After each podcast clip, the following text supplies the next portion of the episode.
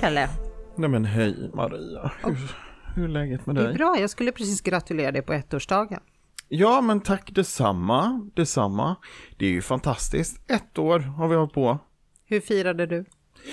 Eh, jag firade med att inleda en mycket intensiv viktminskningsresa. Oj, Så det har jag gjort. Vad har du gjort? Ja, fast vi stannar där. Vad Jaha. innebär det när det är så här intensivt? Var det ett helt dygn då eller? Ja precis, det var ju mellan lunch och middag som jag verkligen höll igen. Och tänkte det här gör jag till åminnelse av uppvakat podcast. Nej, nej så var det inte. Utan nej, jag kände så här att nej, nu är det dags att ta tag i det här. Eh, och då gick jag till eh, i trim. Och så har jag skrivit in mig där så att nu har jag på en vecka och ehm, ja, eh, går och tränar där och eh, eh, får i mig näringsriktig föda. Mm. Så nu ska fläsket bort. Jaha, 92 gången gilt som man brukar säga. Nej då, nej men, men nu, jag känner att, eh, ja men du vet, vi håller på med, med det här med podden och jag har jättemycket på jobbet. Jag måste orka, jag vill vara pigg och glad, eh, ha energi och lust och ehm, jag vill hålla på med det här med healingen och ta upp den igen och det här andliga arbetet och det kräver en del. Och jag känner att nej, jag måste vara i form för att kunna möta det som komma skall.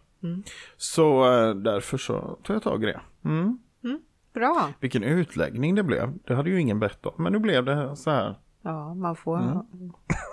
man får göra sådär ibland. Men du då, hur har du firat? Jag lagade mat. Eh, och jag åt. Så de kilorna du har tappat, de har jag hittat igen. Alltså. Du hittade dem ja. Ja, Mm. Nej, så firade jag. För jag laddade ju där, vi, vi pratade om att vi skulle fira ettårsdagen där på mässan i oktober. Ja, exakt. Exakt. Ja, just det. Just det. Det kommer till mig nu. Mm. Ja, det var faktiskt din idé så jag är förvånad Ja, över det att du har glömt idé. bort det. Eller glömt bort. Men ja, precis. Just det. Ja, men jag ska återkommer i ärendet här. Ja. Och jag hoppas att folk kommer till mässan för vi har ju laddat upp med har vi laddat upp med någonting? Oh, vad vi har laddat upp. Det är så mycket så det kan vi inte ens gå in på här utan det får vi återkomma till. Vad är det som gör vadå? att- Vad men, eller vadå laddat upp? Vi, vi kommer vara där. Nej men Pelle, du har ju sagt att du har muggar, du har sagt att du Ja, har precis. dagljus. Muggar kommer vi att sälja. Uppvaket muggar. Jättefina, handgjorda. Eh, de är skitsnygga. Vi måste åka och hämta dem också. Det var lite det här jag misstänkte att du inte har dem. Nej men, vi, nej, men jag frågade ju det om vi kunde åka dit och hämta dem. Annars får jag dem hit levererade, men det är precis innan då. Så det, Ja, men det löst. Mm. Du har pratat doftljus också. Doftljus har jag pratat och där är det lite oklart ännu status på detta. Men jag återkommer i ärendet. Ha? Men vi Och är där i alla fall. T-shirts kommer vi ha. Mm. Eh, som man kan köpa om man vill. Och eh, man kan eh, få lite tarotläggning där. Mm. Och eh, kanske också lite healing om man vill. Ja, men det, det, vänta, stopp. Ja, Jag kom på nu. Mm. Jag ska bara ta fram det meddelandet. Det finns ett hotell som ligger i närheten av mässan. just det. som heter Grow Hotel. Hotel. Och hon skrev faktiskt till mig att eh, poddgänget, det står så här, bla bla bla bla bla bla. Eh, ja, det står så här, eh, frukost hos dem, de får för 112 kronor får man frukostbuffé. Mhm. För alla liksom som går på mässan eller vadå? Jag vet inte, men om man säger uppvaket och Ah, okej. snurra tre varv. Ange uppvaket podcast som kod så får man en frukost ja, för, frukost 100. för 112 kronor, det är ju Fan vad billigt. billigt för dem hade ju en schysst buffé där. Ja, pannkakor fanns det också. Mm. Ja. Och- ja, det är roligt för alla som äter. Mm. Ja, just det, du äter ju inte. Men, men eh, kaffe går ju alltid ner. Vad då ska du dricka kaffe för 112 spänn? Jag förstår. Jag kommer inte ens ha tid att vara på mässan för att jag måste dricka så mycket kaffe. nej, nej men det blir bra. Mm. Ja, men vi kan ju är ju lägga ut vilken tid vi grej. ska vara där ifall det är någon som vill komma och äta med oss. Ja, det borde bli Det vi jättekul. göra. Mm. Nog om oss. Eh, som vanligt har vi en gäst. Ja, det har vi. Det har vi. Men jag tycker vi... Ja, okej, du lagade mat, ja. Ja, då har vi gått igenom det. Har det hänt något annat? Det känns som att det var länge sedan vi träffades. Ja, vänta. Va? Vi släppte en låt igår. Detta är ju att vi inte ens kom på det förrän tekniken sa det. Och inte vilken låt som helst heller. Du har ju låt. skrivit texten Ja, jag skrev texten. mm, och Robert har sjungit. Sjungit? Sjung, Sjungit, sjöng. sjunga, sjung. Ja. Låten heter Hör vad jag säger Just. och går under artistnamnet Uppvaket. Mm. Fab. Har du ens lyssnat på den? Det är klart jag har lyssnat på den. Jag har lyssnat på den flera gånger. Jag sjunger ju på den till och med. Eller ja, det hör man ju inte för det är ju, men, men det är ändå, ja, jag har ett litet finger med i det spelet också. Ja, och Daniel var med och filmade. Så. Jajamän. Och Bra. i min brorsas studio, så det var ju roligt att vi kunde använda den. Vad familjärt. Mycket familjärt. Okej, men kan vi kasta in gästen nu då? Nu kan vi kasta in gästen. Stackars gäst som får sitta och vänta så här. För att du inte kommer till skott. Så var det. Jag ber om ursäkt Ylva. Berätta gärna för våra kära lyssnare som redan nu bara sitter och suckar och undrar vad vi håller på med, vem du är. Jag måste ju få börja med att säga grattis. Tack! Ja, tack. Vad roligt. Fantastiskt. Nu skulle jag haft med mig en eh, vacker blomma till er alla. Men vi är duktiga på att visualisera. Mental blomma. Ja, Den men, är eh, magiskt fin kan jag säga. mm, jag tror att vi är bäst på att ta hand om just de här mentala magiska blommorna. Ja, de står sig längre på något vis. Och få mest näring. Eller hur? Låt mig bara, vänta jag ska bara tänka på mina lite. Ja, så, nu kan vi gå vidare. Tack för den fina blomman. Ja, varsågod. Hur hittade vi dig Ylva? Åh, Eh, Det var ju genom Alexander Herold som har funnits här i podden sedan tidigare. Och Jaha. eh, som du har... Ja, jag fick ju hjälp utav honom inför poddavsnittet som vi Ja. skulle spela in så testade jag på hypnos för min ormfobi som jag hade. Och det fungerade ju alltså helt, ja det är helt otroligt. Jättehäftigt. Ja, Hypnos är ju fantastiskt. Det är verkligen. ett otroligt kraftfullt verktyg. Ja. Så uh, Ylva Wegel heter jag. Jag jobbar som coach, hypnotisör och är författare och jobbar även med metoden för sorgbearbetning. Mm, vad spännande. Sorgbearbetning tycker jag är jätteintressant. Det är det. Oj, oj, oj, det här blir ett långt avsnitt. Exakt. Jag, har, eh, jag sitter och skriver ner alla titlar här så jag kan bara att vi... Så att du håller reda på dem, Att jag liksom. håller reda på att vi verkligen har Och så pratat då om... passar jag på att knuffa in en till då. Ja, gärna. med, författarskapet eh, så kom jag ut med en bok tillsammans med andra, eh, 24 andra medförfattare. En antologi om mirakler. Den Mhm. är den första i en bokserie av sju som heter Mirakelkur för själen. Wow. Och det är mitt eh, bidrag, det är min antagonist till all rädsla som pumpas ut i samhället och världen nu. Så jag vill bara sprida den här mirakelenergin. Den är helt politiskt och religiöst obunden. Det är människors tolkning på mirakler eh, och det är så fantastiska mirakler. Allt ifrån personer som har övervunnit saker, sjukdomar, eh, de som har blivit guidade runt eh, bombattentat i London när de sprängde där och räddade livet på henne och, och allting däremellan. Vi vad- älskar ju sådana där historier. Ja, Eller exakt. hur? Vad sa du att boken heter? Mirakelkur för själen. Glöm aldrig det, säger jag. Ja, nej, och, och apropå det, nu måste jag flika in. Pelle, Ja. har du läst boken jag tipsade dig om? Jag undrar över det här med coach. Usch, jag tycker det är så tråkigt när vi måste ha en sån här tråkig stämning och vi försöker ha det glatt och roligt. Det blir så påhopp här. Det, Uppföljning var inte din grej liksom. nej, utan de- den boken har jag... Faktum är att jag la den sist. Sist vi pratade om det här så la jag den i min eh, eh, digitala bokhylla. eh, Som Ja. eh, på den här tjänsten som jag prenumererar på fanns ju där. Men så tittade jag på boken och tänkte nu, nu ska jag sätta mig och läsa. Ja. Och då kom jag på att ja, den är ju på engelska och det är i och för sig inga problem. Men jag tycker ändå man, jag skulle gärna haft den på svenska. Ja, men på riktigt, nej, men jag, jag köper boken åt dig nu. Nej, det behöver du inte göra, men ni har den tydligen hemma, säger tekniken här nu. Jag kanske kan få låna den. Mellan två inspelningar. Ja, alltså med tanke på hur lång tid allting tar, alltså den här podden, jag fattar inte. Innan jag fick ingen, vad tog det? Nästan ett år. Ja, det tog lång tid. Alltså. Det tog väldigt ja. lång tid. Ja. Nu vill jag att du ska läsa en enda bok. Mm. Jag har hållit på i veckor. Ja, precis. Jag försöker fortfarande komma ihåg titeln. Mary Ofan enorma historia. Nej, jag kommer inte ihåg. Det var... Okej. Men, men jag, den ligger i min bokhylla och jag, jag skulle jättegärna läsa den. Men jag läser den gärna på svenska. Ylva, boken heter Elinor Oliphant mår alldeles utmärkt. Ja, just så var det. Precis, jag känner igen det nu när Det är säger en stark rekommendation. Ja, jag ville att Pelle skulle läsa den, men Ja. han... jag Jo, men jag vill det, men jag har en hund hemma som har börjat löpa och det ska... Men målas hon är om på 12 jobbet år, och det- 12-åriga hundar löper väl inte längre? Kommer inte de i Jo, hon får inte ens vara på dagis längre. De ringde häromdagen. De... och sa nu får du faktiskt hämta din hund, hon är riktigt bitchig. Jag Nej! bara, vad har hänt? Nej, hon är i höglöp så hon får inte vara här. Så mm, nu har min sambo fått uh, husarrest i eh, fyra dagar så nu vet jag inte riktigt hur vi ska... Men vadå, kommer inte hundar i någon typ av klimakterie? Det verkar inte så. Ylva, vet du någonting om hundar och klimakterie? Tyvärr inte. Nej. Har dock en kompis som är djurkommunikatör. Vad heter den kompisen? Hon heter Ami Sunderman. Som har varit Ja, med hon i har varit med i vår det ser också. Fantastiska Ami. Ja. Ja, Ja, jag gillar henne Så jättemycket. sitter ni alltså. fortfarande med frågor efter att ha och pratat med Ja. henne, då undrar ju jag vad ni gjorde under den poddavsnittet. Det undrar jag med. Nej, men vi ställde inte den frågan just.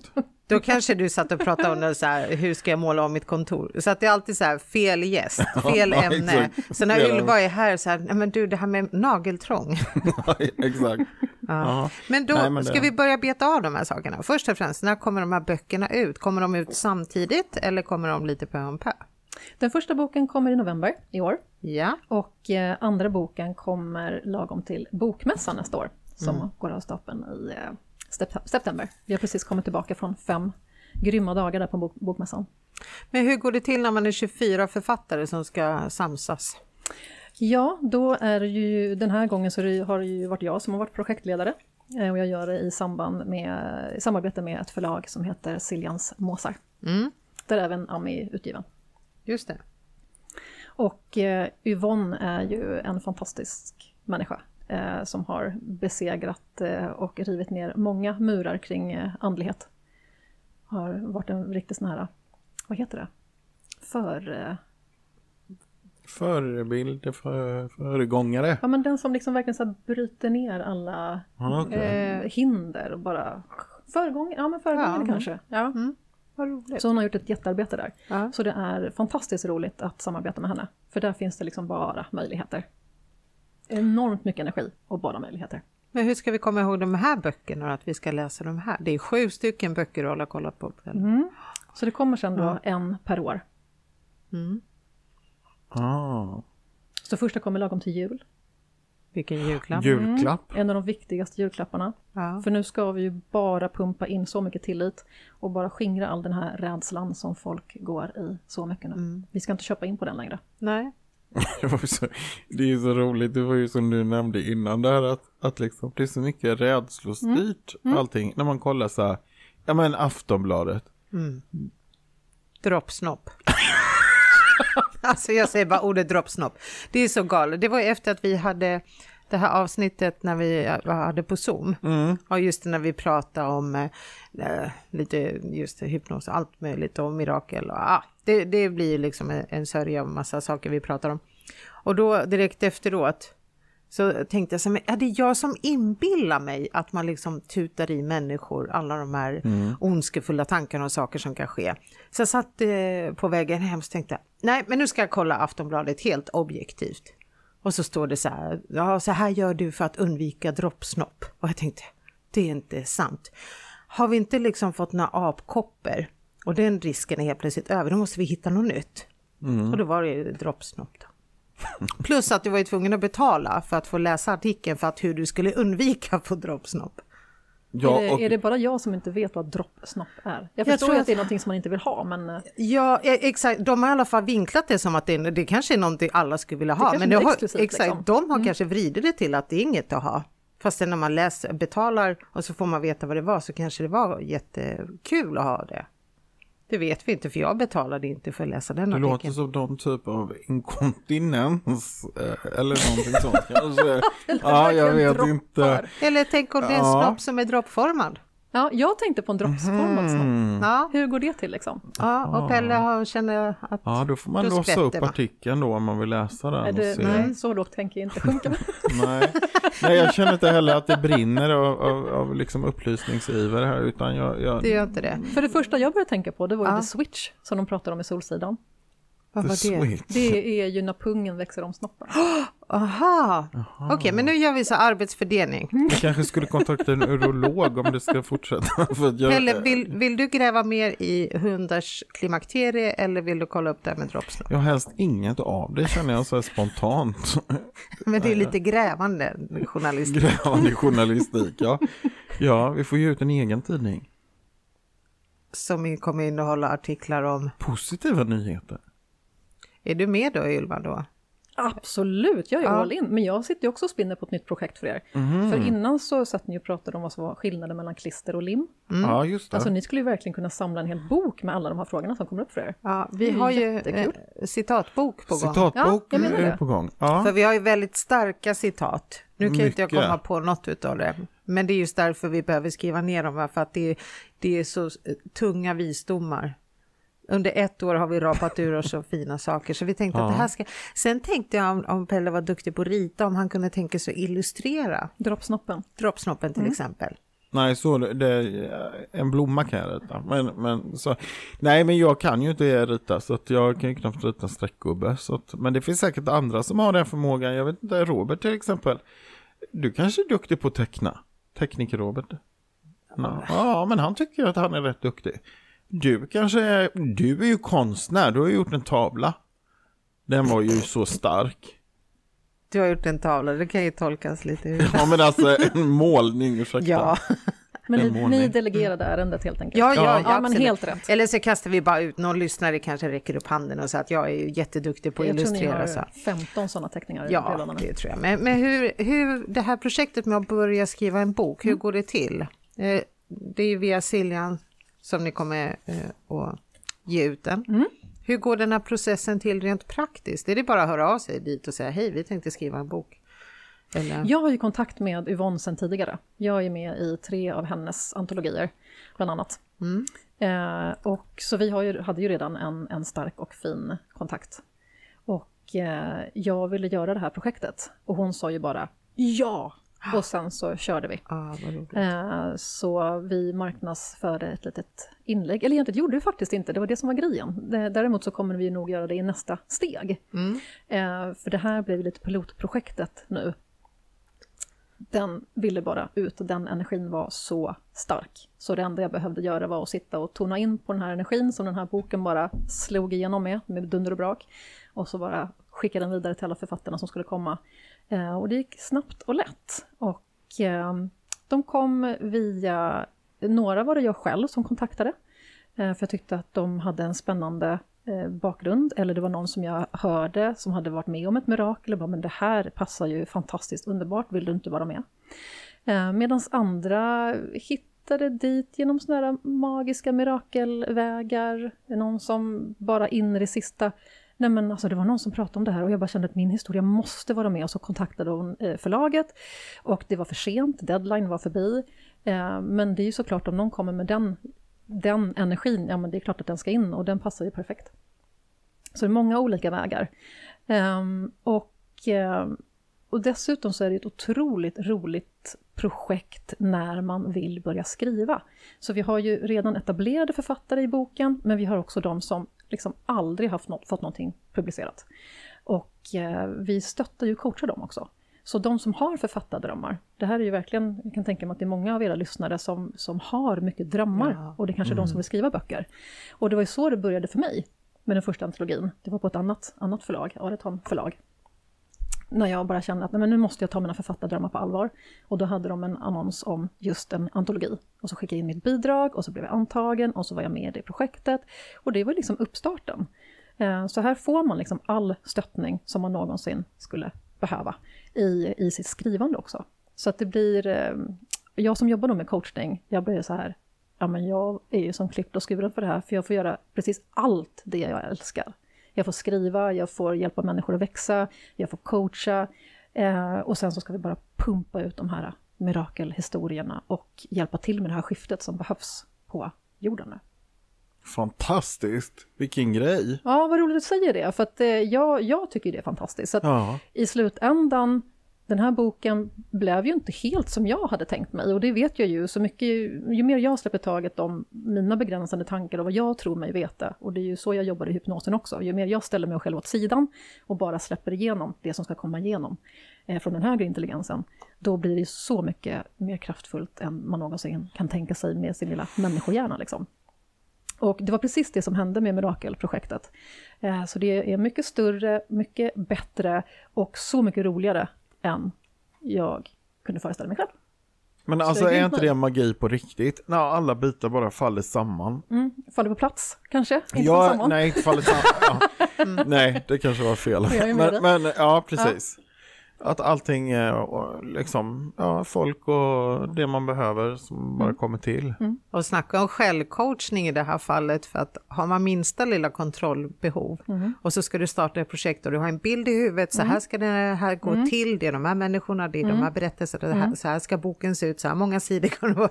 Och sen blir det inte som man hade tänkt sig och att man fortfarande kan släppa taget och tänka att det blivit bättre. Det är vackert. Det är så fint. häftigt. Ja. Och sen, jag tycker det är så intressant för jag har använt ordet magiskt under så många år. Mm. Jag har ju gått ifrån ett, ett skifte där min värld var stor som en eller liten som en kaffekopp skulle jag vilja säga. Mm. Eh, jag hade, hade ingen, inget prat om energier eller änglar eller gud eller någonting. Och sen var jag med om någonting för ja, men någon, runt 2005 som bara skiftade min världsbild totalt. Eh, och sen så har jag pratat mycket om ja, men människans potential, jag har undersökt om det, min specialitet, varför vi inte har det som vi, vi önskar oss. Och pratat mycket om magi och magiskt, till att idag bara landa i att nej men alltså det är ju inte ens magiskt, det är ju naturligt. Alltså det är våran naturliga, vårt naturliga varande, helt enkelt. Ja, då har man ju verkligen mm. gjort ett stort skifte när man tänker det. Ja, verkligen. Så normalt. Det som man tidigare kanske säger magiskt. Mm. Men dina coachklienter, ja. är det, märker du att det är samma typ av människor som söker sig till det eller är det högt allt möjligt eller finns det någon röd tråd? Hur menar du, vilka som söker sig till mig? Är det liksom nu, om det är olika personer som söker sig till mig, eller har det, om det har förändrats över tid? Eller hur menar Nej. du med frågan? Ja, jag tänkte just det här som coachning, för vissa är ju så att när man, man riktar in sig mot en speciell, det kan vara karriärcoachning eller eh, bara allmänt så mentalt. Eller vi, jag behöver i alla fall coachning med att sluta äta så där mycket godis som jag tryckte i mig precis som innan vi drog igång det här. Så att om du har någon speciell, liksom har du specialiserat dig inom coachningen eller är alla välkomna att kontakta dig? Alla är välkomna att kontakta mig. Eh, jag har, det är klart att, att man kanske jobbar mera med vissa delar men jag ser verkligen ingen begränsning. Eh, jag brukar säga det att det är som en, en kanalisering men genom mina egna, alltså det är som ett filter av mina egna erfarenheter och kunskaper och alla utbildningar som jag har gått och även när jag har gått och tagit del av egen egen hjälp när jag tagit inspiration av andra eller man vill att bryta igenom något, något paradigm eller någon emotion. Liksom. Blir det per automatik hypnos inblandad när du coachar? Eh, inte alltid. Nej. Absolut inte. Och eh, ibland så kan man ju ha en föreställning om vad hypnos är. Att man måste ta sig ner för trappor eller annat och det ska ske på ett visst sätt.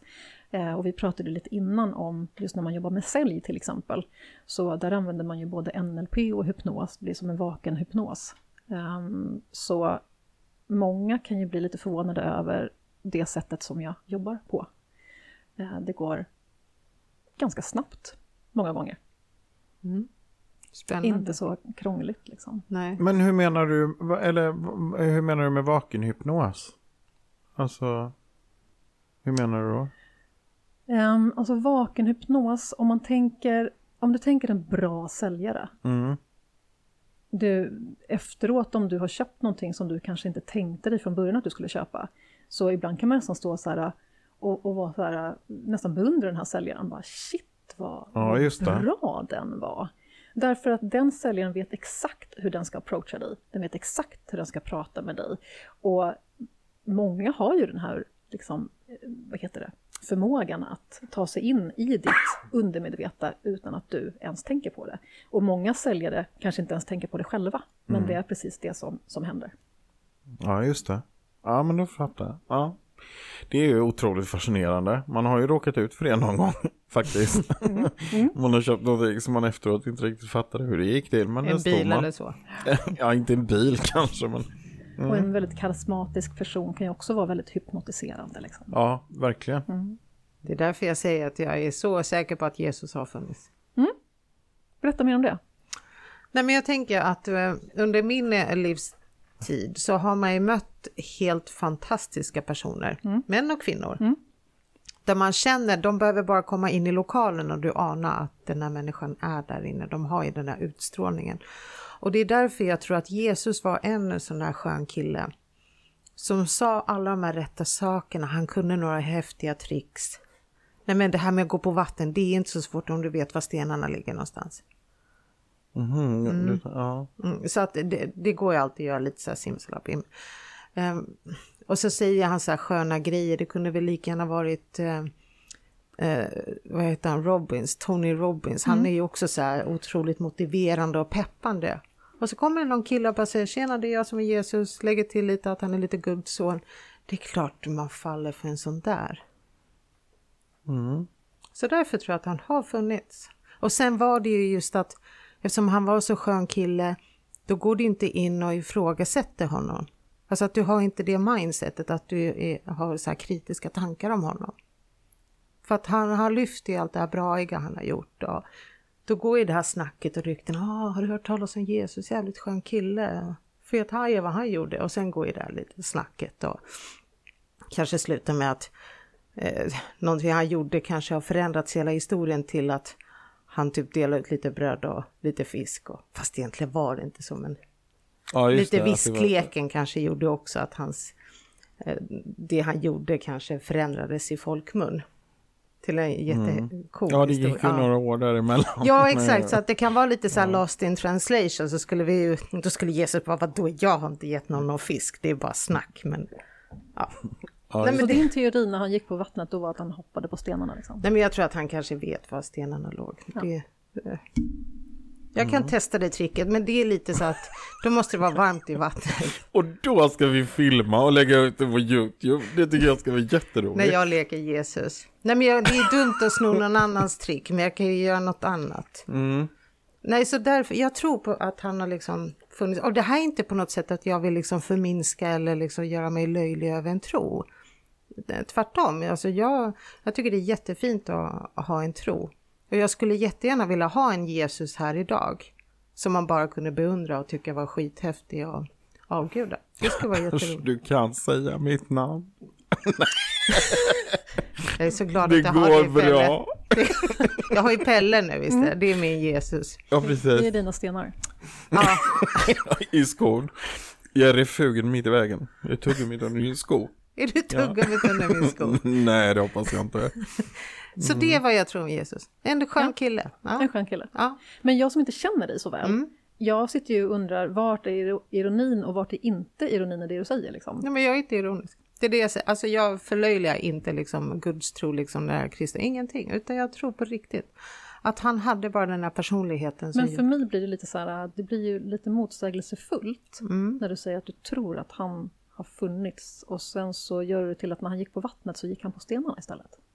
Ja, för, ja, för den... Jag, jag tror inte riktigt på sådana mirakel att, uh, att han på något sätt skulle kunna gå på vatten, alltså rent fysiskt, att han liksom Nej. skulle ha svävat. Det, den historien, men jag tror att det finns ju många sådana här historier som känns lite knepiga. Mm. Hur gick det till eh, rent praktiskt, mm. så här logiskt. Mm.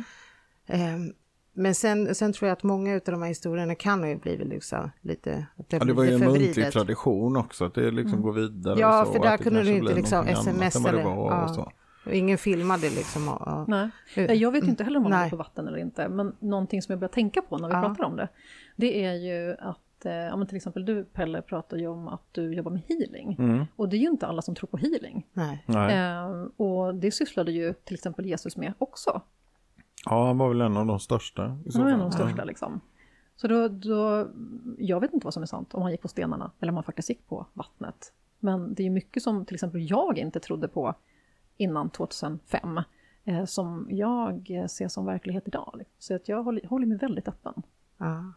Så det var, det var, jag ber om Ja. ursäkt att jag sa ironiskt. Alltså, Nej, nej, nej, Men jag, nej, bara, du- jag nej, försökte nej. bara förstå, jag var, försökte mer förstå vad du sa. Ja, nej men nej, utan jag, jag tror att, för det finns ju massor av de här historier, jag, inte- jag har ju fått höra i skolan, det var ju alltid sådana här berättelser om Jesus och Han Gud. gjorde ju vatten till vin Ja, den till där ja. exempel. Vid bröllopet i Kana. Det är en bra affärsidé också.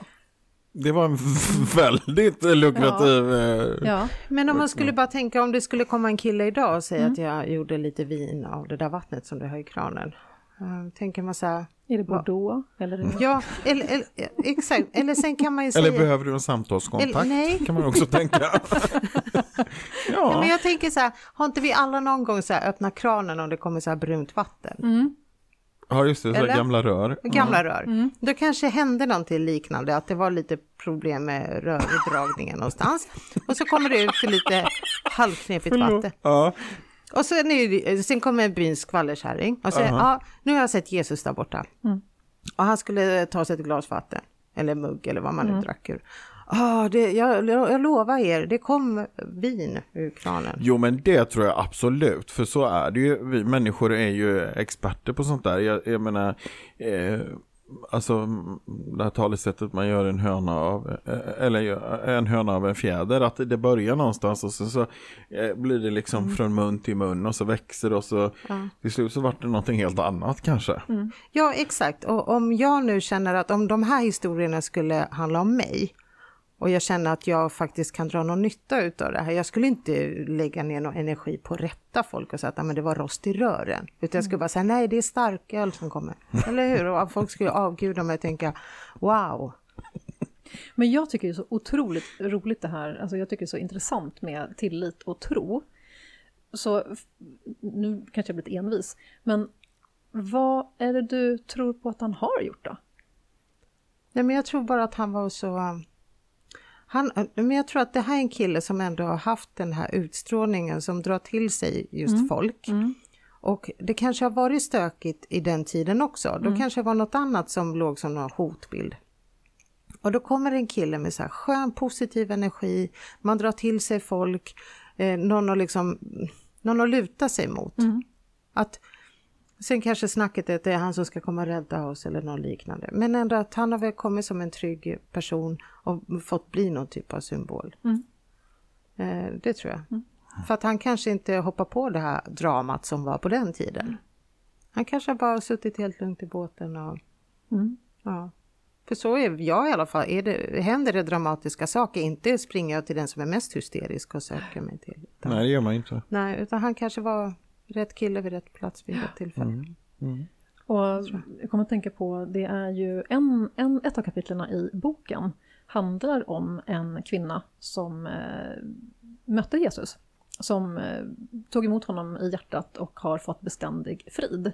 Hon var en av dem som jag själv kontaktade för att jag tyckte att det där låter ju fantastiskt. Vem vill inte ha beständig inre frid? Och eh, man, jag menar, det som vi hamnar i här, liksom, vad tror man och vad tror man inte? Och, och det är faktiskt en av huvudsyftena med den här boken, det är att vi skriver liksom ingen på näsan, vi använder inte Nej. religion, vi använder inte politik eller någonting, utan det är självupplevda händelser eh, som ingen kan ta ifrån en. Liksom. Så att, Och det är det som är så viktigt tror jag i exakt. vår tid. Att man särskilt i ett religionsfobiskt, det har jag ingen som helst eh, liksom eh, för att säga. Men, men, men, men jag, jag kan ändå tycka att det om man jämför med många andra länder vad det verkar som, så har vi mycket svårare för att prata om det här med gudstro och liksom hur det tar sig uttryck och liksom så. Eh, vad skulle jag säga med det då? Du var inne på religions, alltså det här med fobi. Ja, just det. Att, att liksom, det är så viktigt också att kunna lyssna till människors eh, historier utan att genast. Vi är så snabba med att värdera. Alltså att, eh, ja men vadå, är du typ religiös eller? Alltså det är typ det Ja. värsta man, då är man riktigt tom i bollen om man är religiös. Men att, att komma ifrån det och att, att liksom, eh, nej men respektera, eh, man behöver ju inte dela det, men att respektera andra människors upplevelser. exakt. Ehm, och jag antar att den här kvinnan, är, är, hon blev frälst liksom, kristen frälst då. Och jag kommer ju från en sån bakgrund, så för mig var ju det otroligt verkligt då. Ehm, Och jag kan, jag kan bara tänka mig att människor som, som har den tron idag kan känna sig väldigt så här, marginaliserade på något sätt Mm. i vårt samhälle. Skulle Där, och där har det blivit ombytta roller för nu är helt plötsligt så är det ju vi som håller på med den här typen av andlighet som vi gör med mediumskap och, Mm. och så. Eh, personlig utveckling och så. Det har ju blivit väldigt populärt så det är ju Mm. ganska lättsamt idag. att Ja, och jag, jag lyssnar ju mycket på så här finska mediala kanaler via Mm. Youtube. Och det som jag märker är återkommande, det är medium som berättar att innan de sätter igång och jobba så ber de Fader vår. Mm. Alltså att man Ja, får eh, beskydd och, eh, och, och jag är själv konfirmerad. Alltså jag tjatade till mig en konfirmation. Jag varit ju ja, sparkad från Svenska kyrkan, bla bla bla. Så jag åkte till Finland och konfirmerade mig. Och det var ju just för att jag var så här, helt genuint jätteintresserad av att veta det här med Gud och Jesus för att bilda min egen uppfattning. Eh, och jag håller med om att det blir det här med att vadå, går du i kyrkan eller? Att man är religiös och det är ingenting fult med att vara religiös. Nej, jag tycker inte det. Tvärtom, det kan ju tillföra livet väldigt mycket. Och bara Någon- den här kvinnan jag tänkte på som du berättade, som, eh, berättade om sin, sitt möte med Jesus. Skulle det här hända mig, jag skulle ju känna, jag skulle få lite hybris. Jag skulle känna mig väldigt utvald. För det här är ju ingenting som vi alla kan säga att det här har vi fått uppleva. Då skulle jag ju känna mig att det är någonting väldigt speciellt med mig. Vad skulle du känna Pelle om Jesus kom? Alltså, hade du frågat mig då så hade jag ju sagt, men jag har träffat Jesus. Jag är mm, frälst. Eh, idag skulle jag se, på det, se det på ett annat sätt. Men det är ju min historia och min resa. Eh, mm. Men spännande att få läsa om den där, för vi ska inte avslöja, men vi ska spara oss till boken. Nej, det är spännande. Ja. Ja, men det är otroligt intressant Ja. och det är intressant att läsa just om människors upplevelser.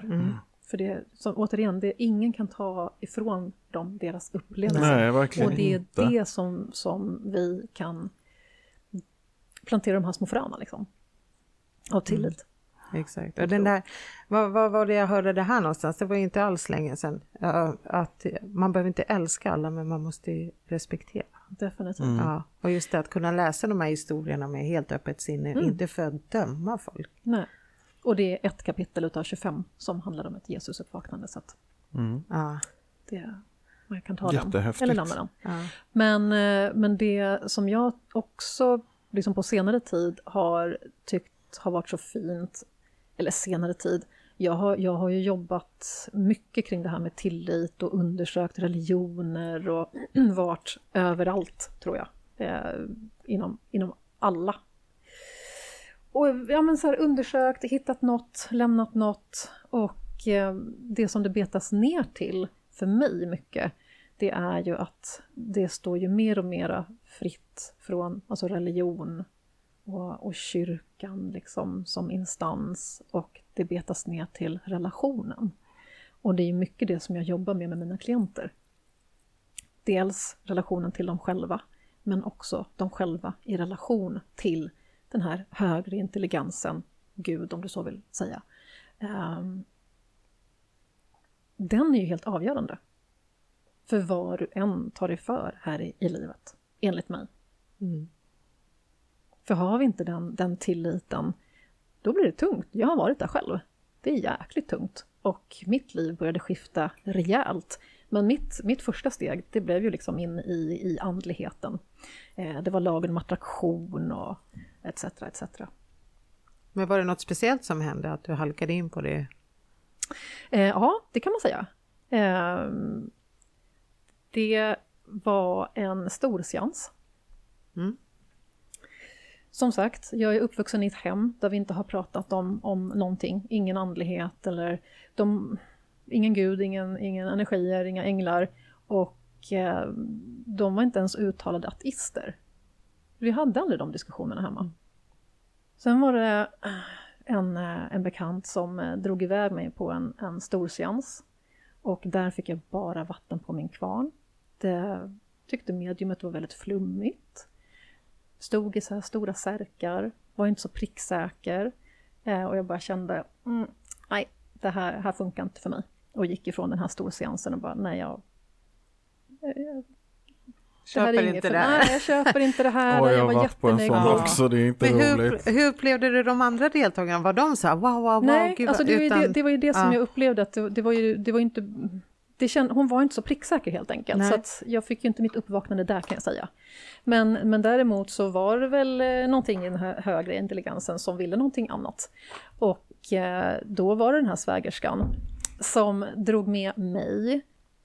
Och sen så hade då med sig ett, ett gäng som, ja, men som jag kände mer eller mindre. Vi var elva stycken som jag hade koll på, på den här storseansen. Så vi utgjorde nog majoriteten. Mm. Och eh, innan eh, pausen så hade det här mediumet, som då till motvikt mot det här första mediumet, hon hade ju så här kritstrecksrandig byxdress. Hon var makead, hon, ja, men hon var ju så här, hon var liksom business på något sätt. Så jag bara, det här är någonting annorlunda med det här, kändes det redan innan. Och innan pausen, hon drog ju av liksom, ja, min mamma då, eh, med detaljer som... Eh, för jag satt ju med min skeptiska hjärna Ja, så här. det- Okej, hon säger de här sakerna om min mamma. Kan liksom min svägerska då gått och förpreppat henne då? Eh, med den här informationen? Mm, det kan hon ju, men det går sjukt snabbt alltså. Det går jättesnabbt. Det är pricksäkert. Och det är sådana detaljer som jag tänker att äh, men jag tror inte mamma skulle delat med sig av det. Liksom. Nej. Så jag sitter ju sådär att mm, det kanske är någonting här. Men då är det som att det är någonting som börjar skifta, men det har definitivt inte skiftat. Men i pausen så säger jag ju så här, ja okej, jag hör att det är på riktigt, men jag kan inte ta det till mig igen. Men då var jag liksom, och då hade jag lagt till ordet en. Så någonting höll ju på att skifta.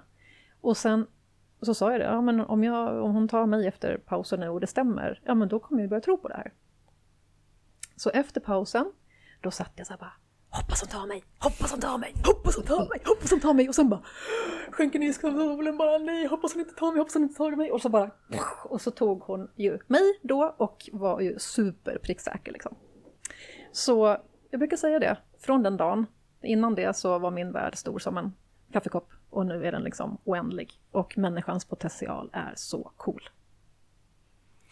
Vad tillåtande ändå för att det är ju det här som jag tror är svårt för många medium. Det är att det kommer väldigt många, sätter sig i publiken, armarna i kors och Mm. tänker så här, ja, låt höra.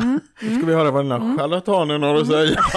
ja, ja medan du var ändå tillåtande fast du var skeptisk. Mm. Så det tror jag är ändå någonting som underlättar för alla arbetande medium. Alltså jag, jag, jag kan nog inte säga att jag var tillåtande. Nej, Jag blev tillåtande blev. Mm. under den seansen. ja.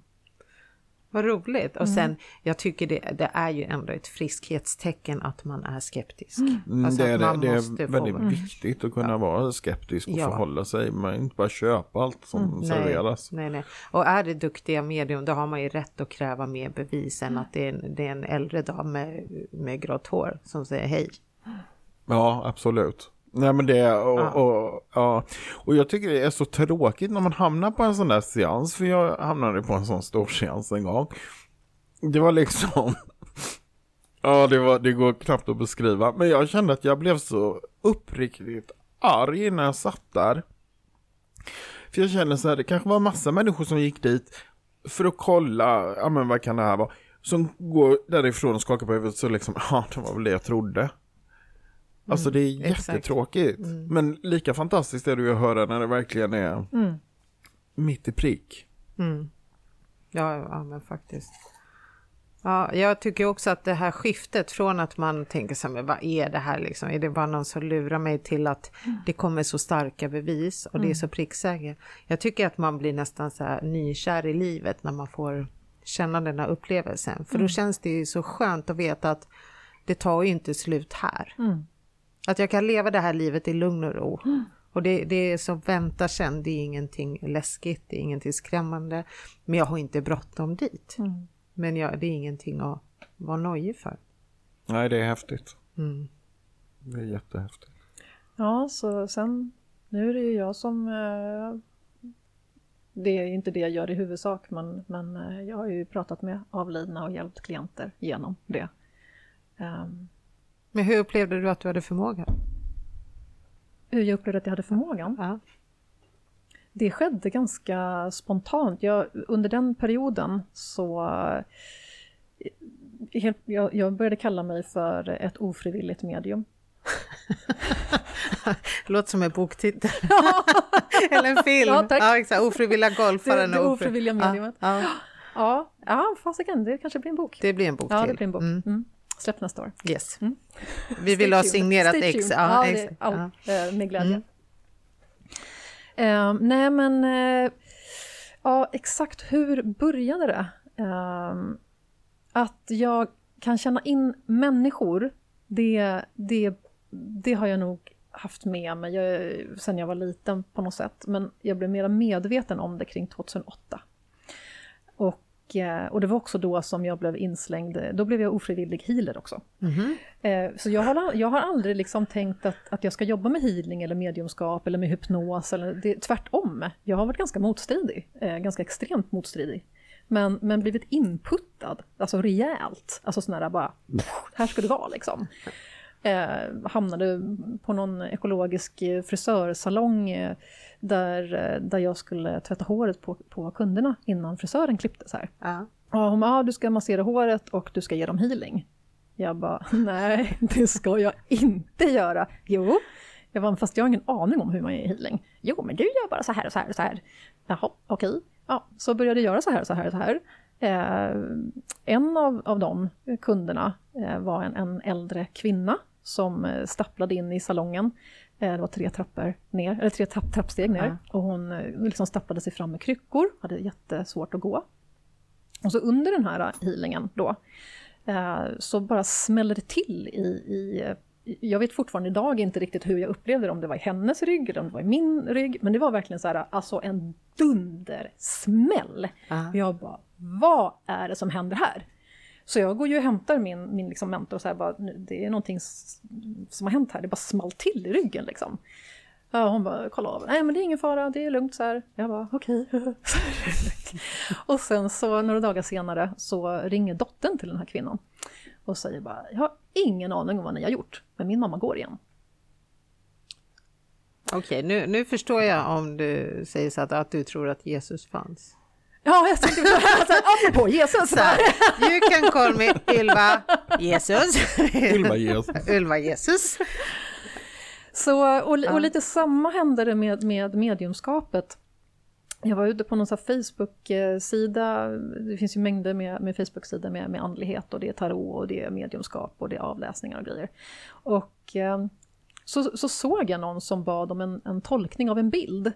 Och eh, så började jag liksom bara skriva den här tolkningen och så får jag bara tillbaka av henne att alltså det här är så bra, det här är så klockrent, du kan inte ta betalt för det här. Jag bara, nej men det, det var inte tanken. Eh, Jag tänkte bara öva lite så här. Jo men alltså jag är, jag är, vad heter det, admin i den här- i en grupp. Så att du kan göra så test på vad som är admin och blir du godkänd då blir du medium i vår, i vår grupp. Och jag är ju så här, jag har ju tillit till att det som öppnas upp, det är klart att man ska säga ja, det är lite som yes men liksom. Så jag, jag började som medium i den här gruppen. Men väldigt extremt ödmjukt. Extremt ödmjukt. Eh, men, men insåg att det jag skrev hade ju en enorm betydelse för, för de här människorna. Eh, och har också lärt mig mycket... För det, det, det finns ju så mycket sorgligt i det här också. Eh, människor söker så mycket utanför sig själva. Och när jag var liksom ny på det här med mediumskapet och tänkte att jag testar det här och ser, ser, ser vad det leder någonstans. Så la jag bara ut ett inlägg, eh, valfri fråga, valfri summa. Och fick mängder med svar att folk ville ha hjälp. Och de flesta frågade om kärlek eller pengar. Mhm. Och eh, allra, allra flest frågade om, om kärlek. Och jag blev så här, de söker kärleken utanför sig själva. Jag är ju relationscoach bland annat och har jobbat mycket med relationer. Och eh, jag ser ju inte att kärleken är beroende av en annan människa överhuvudtaget. Så först blev jag så här, det här känns inte seriöst att jag ska ta pengar ens för att göra kärleksläggningar. Det, det kändes fel i mig. Ehm, men jag tänkte att jag har ju ändå lovat de här personerna nu. Så att eh, jag gör det. Så jag travade iväg och köpte en tarotlek som var inriktad specifikt på kärleksrelationer. Och när jag började skriva de här, för jag, dels så tolkade jag korten men sen så tolkade jag rent liksom, kanaliserat, intuitivt, så eh, insåg jag ganska snabbt att det jag skrev dels guidade det in i dem själva, eh, men också att de faktiskt sökte vidare till hypnosen. Och där kunde jag hjälpa dem på riktigt. In i dem själva, hitta kärleken till sig själva och sluta vara beroende av den här kärleken som man tror att man ska hitta någon annanstans än i sig själv. Och då blev det vackert och meningsfullt. Så det gjorde jag ganska mycket under, under en period. Vilken bra grej. Valfri fråga, valfri summa. Ja, det var Mm. käckt.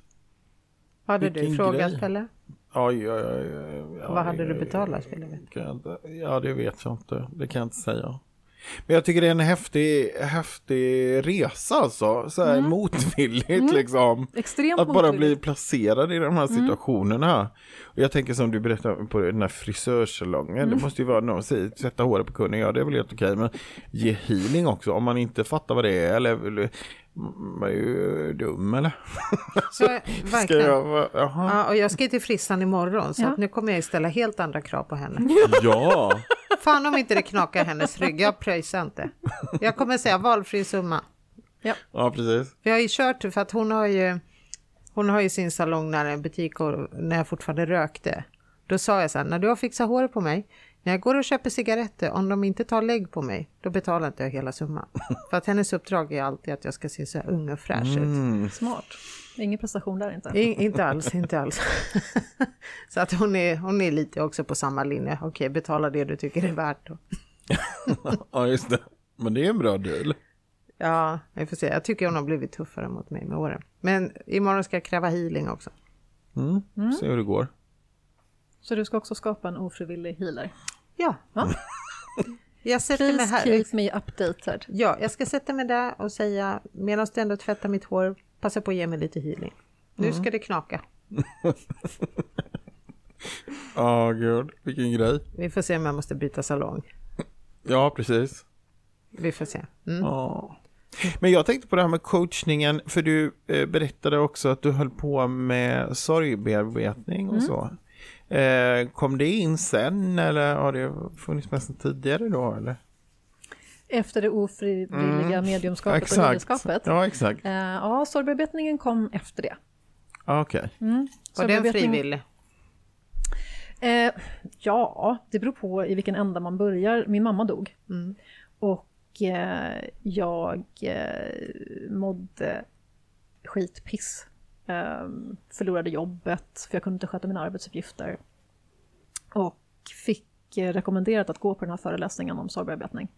Och insåg ju ganska snabbt att dels så hade jag möjligheten att kunna få hjälp med, med sorgen efter min mamma.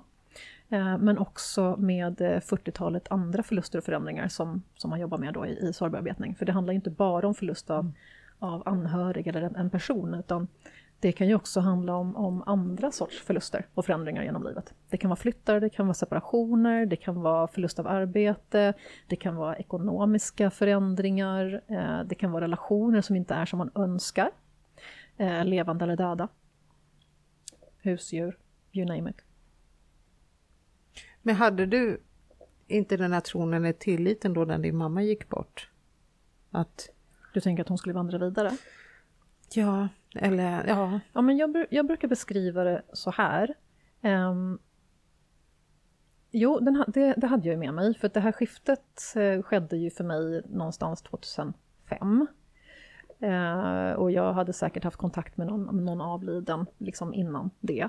Men, men jag brukar kalla det för att, att uh, även om vi har den här tron på att man vandrar vidare, så har vi också en jordelig sorg.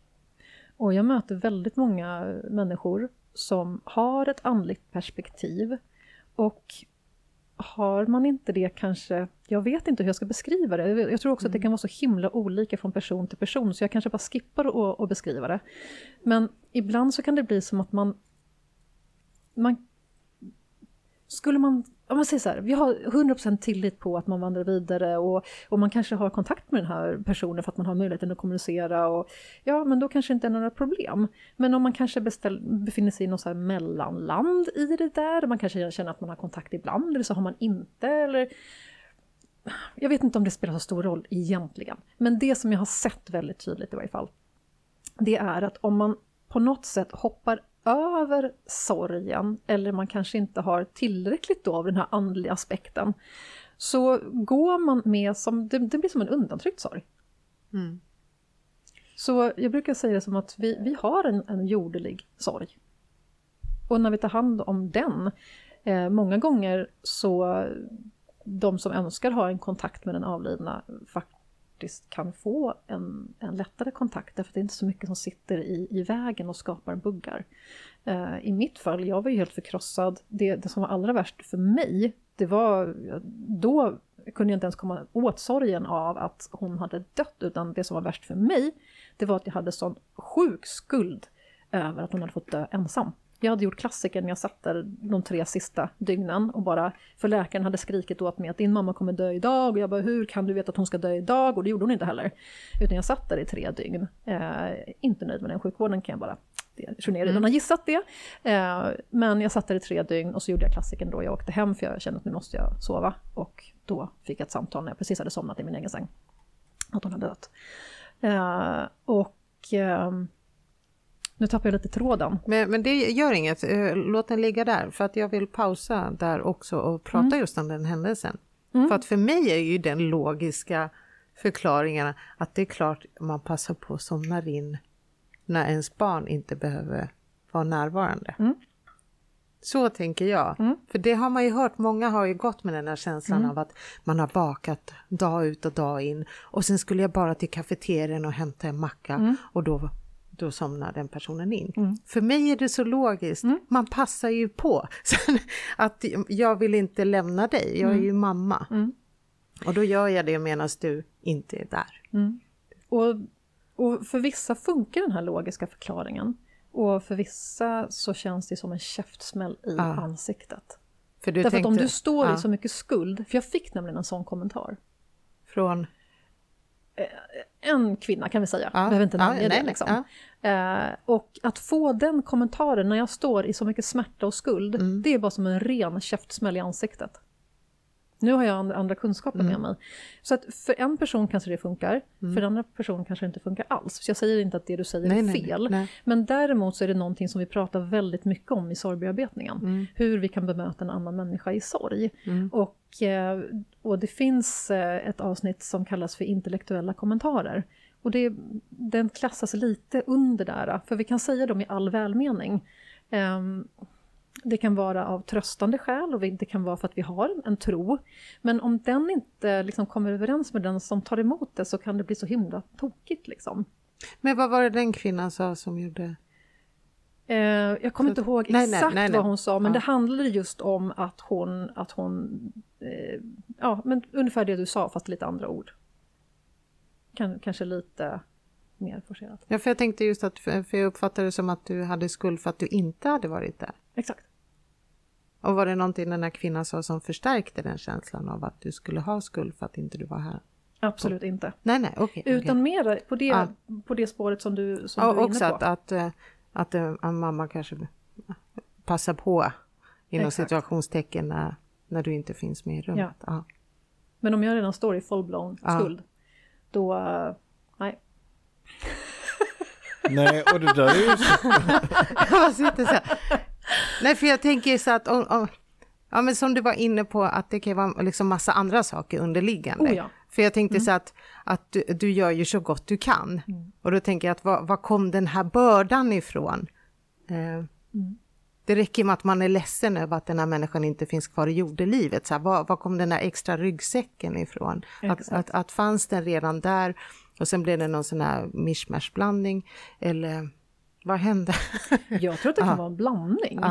Eh, så det som vi gör i sorgbearbetningen det är ju att vi, liksom, vi tar ju bort det lagret som, som egentligen ligger i vägen för den rena saknaden. Så att för mig, jag brukar beskriva det som att efter sorgbearbetningen så fick jag en ren saknad. Och att jag liksom Mm. kunde känna sorg, en ren saknad. Mm. Men ofta så, så är inte saknaden och sorgen så ren. Utan eh, många gånger så...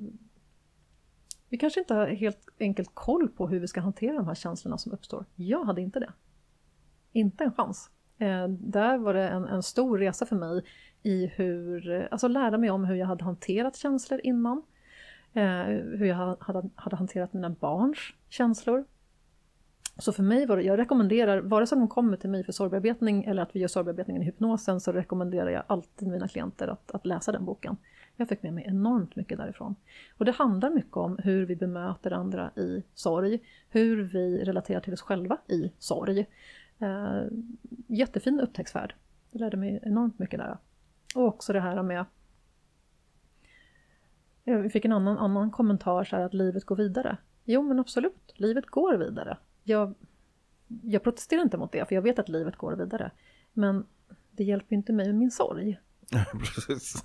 Det Nej. ingen tröst. Och det, och det är lite samma sak med att jag står i så mycket sorg och smärta och skuld och sen får jag en förklaring om att hon har valt att lämna för att jag inte var där. Alltså jag, jag kan ju se att det är något fint i det, men nej. Men det blir ingen tröst. Nej. Ser Och- du då bara, bara den här enskilda situationen att du inte är där när hon tar sitt sista andetag? Det var det enda jag hade i huvudet. Det var det alltså det, var enda- det, ja. enda jag, det var det enda, jag hade så sjukt mycket Ja. skuld för det så jag kunde liksom inte se någonting annat. Nej. Det var bara smärta, jag var i, bara i total skuld över att jag inte var där när hon tog sitt sista andetag. Mm.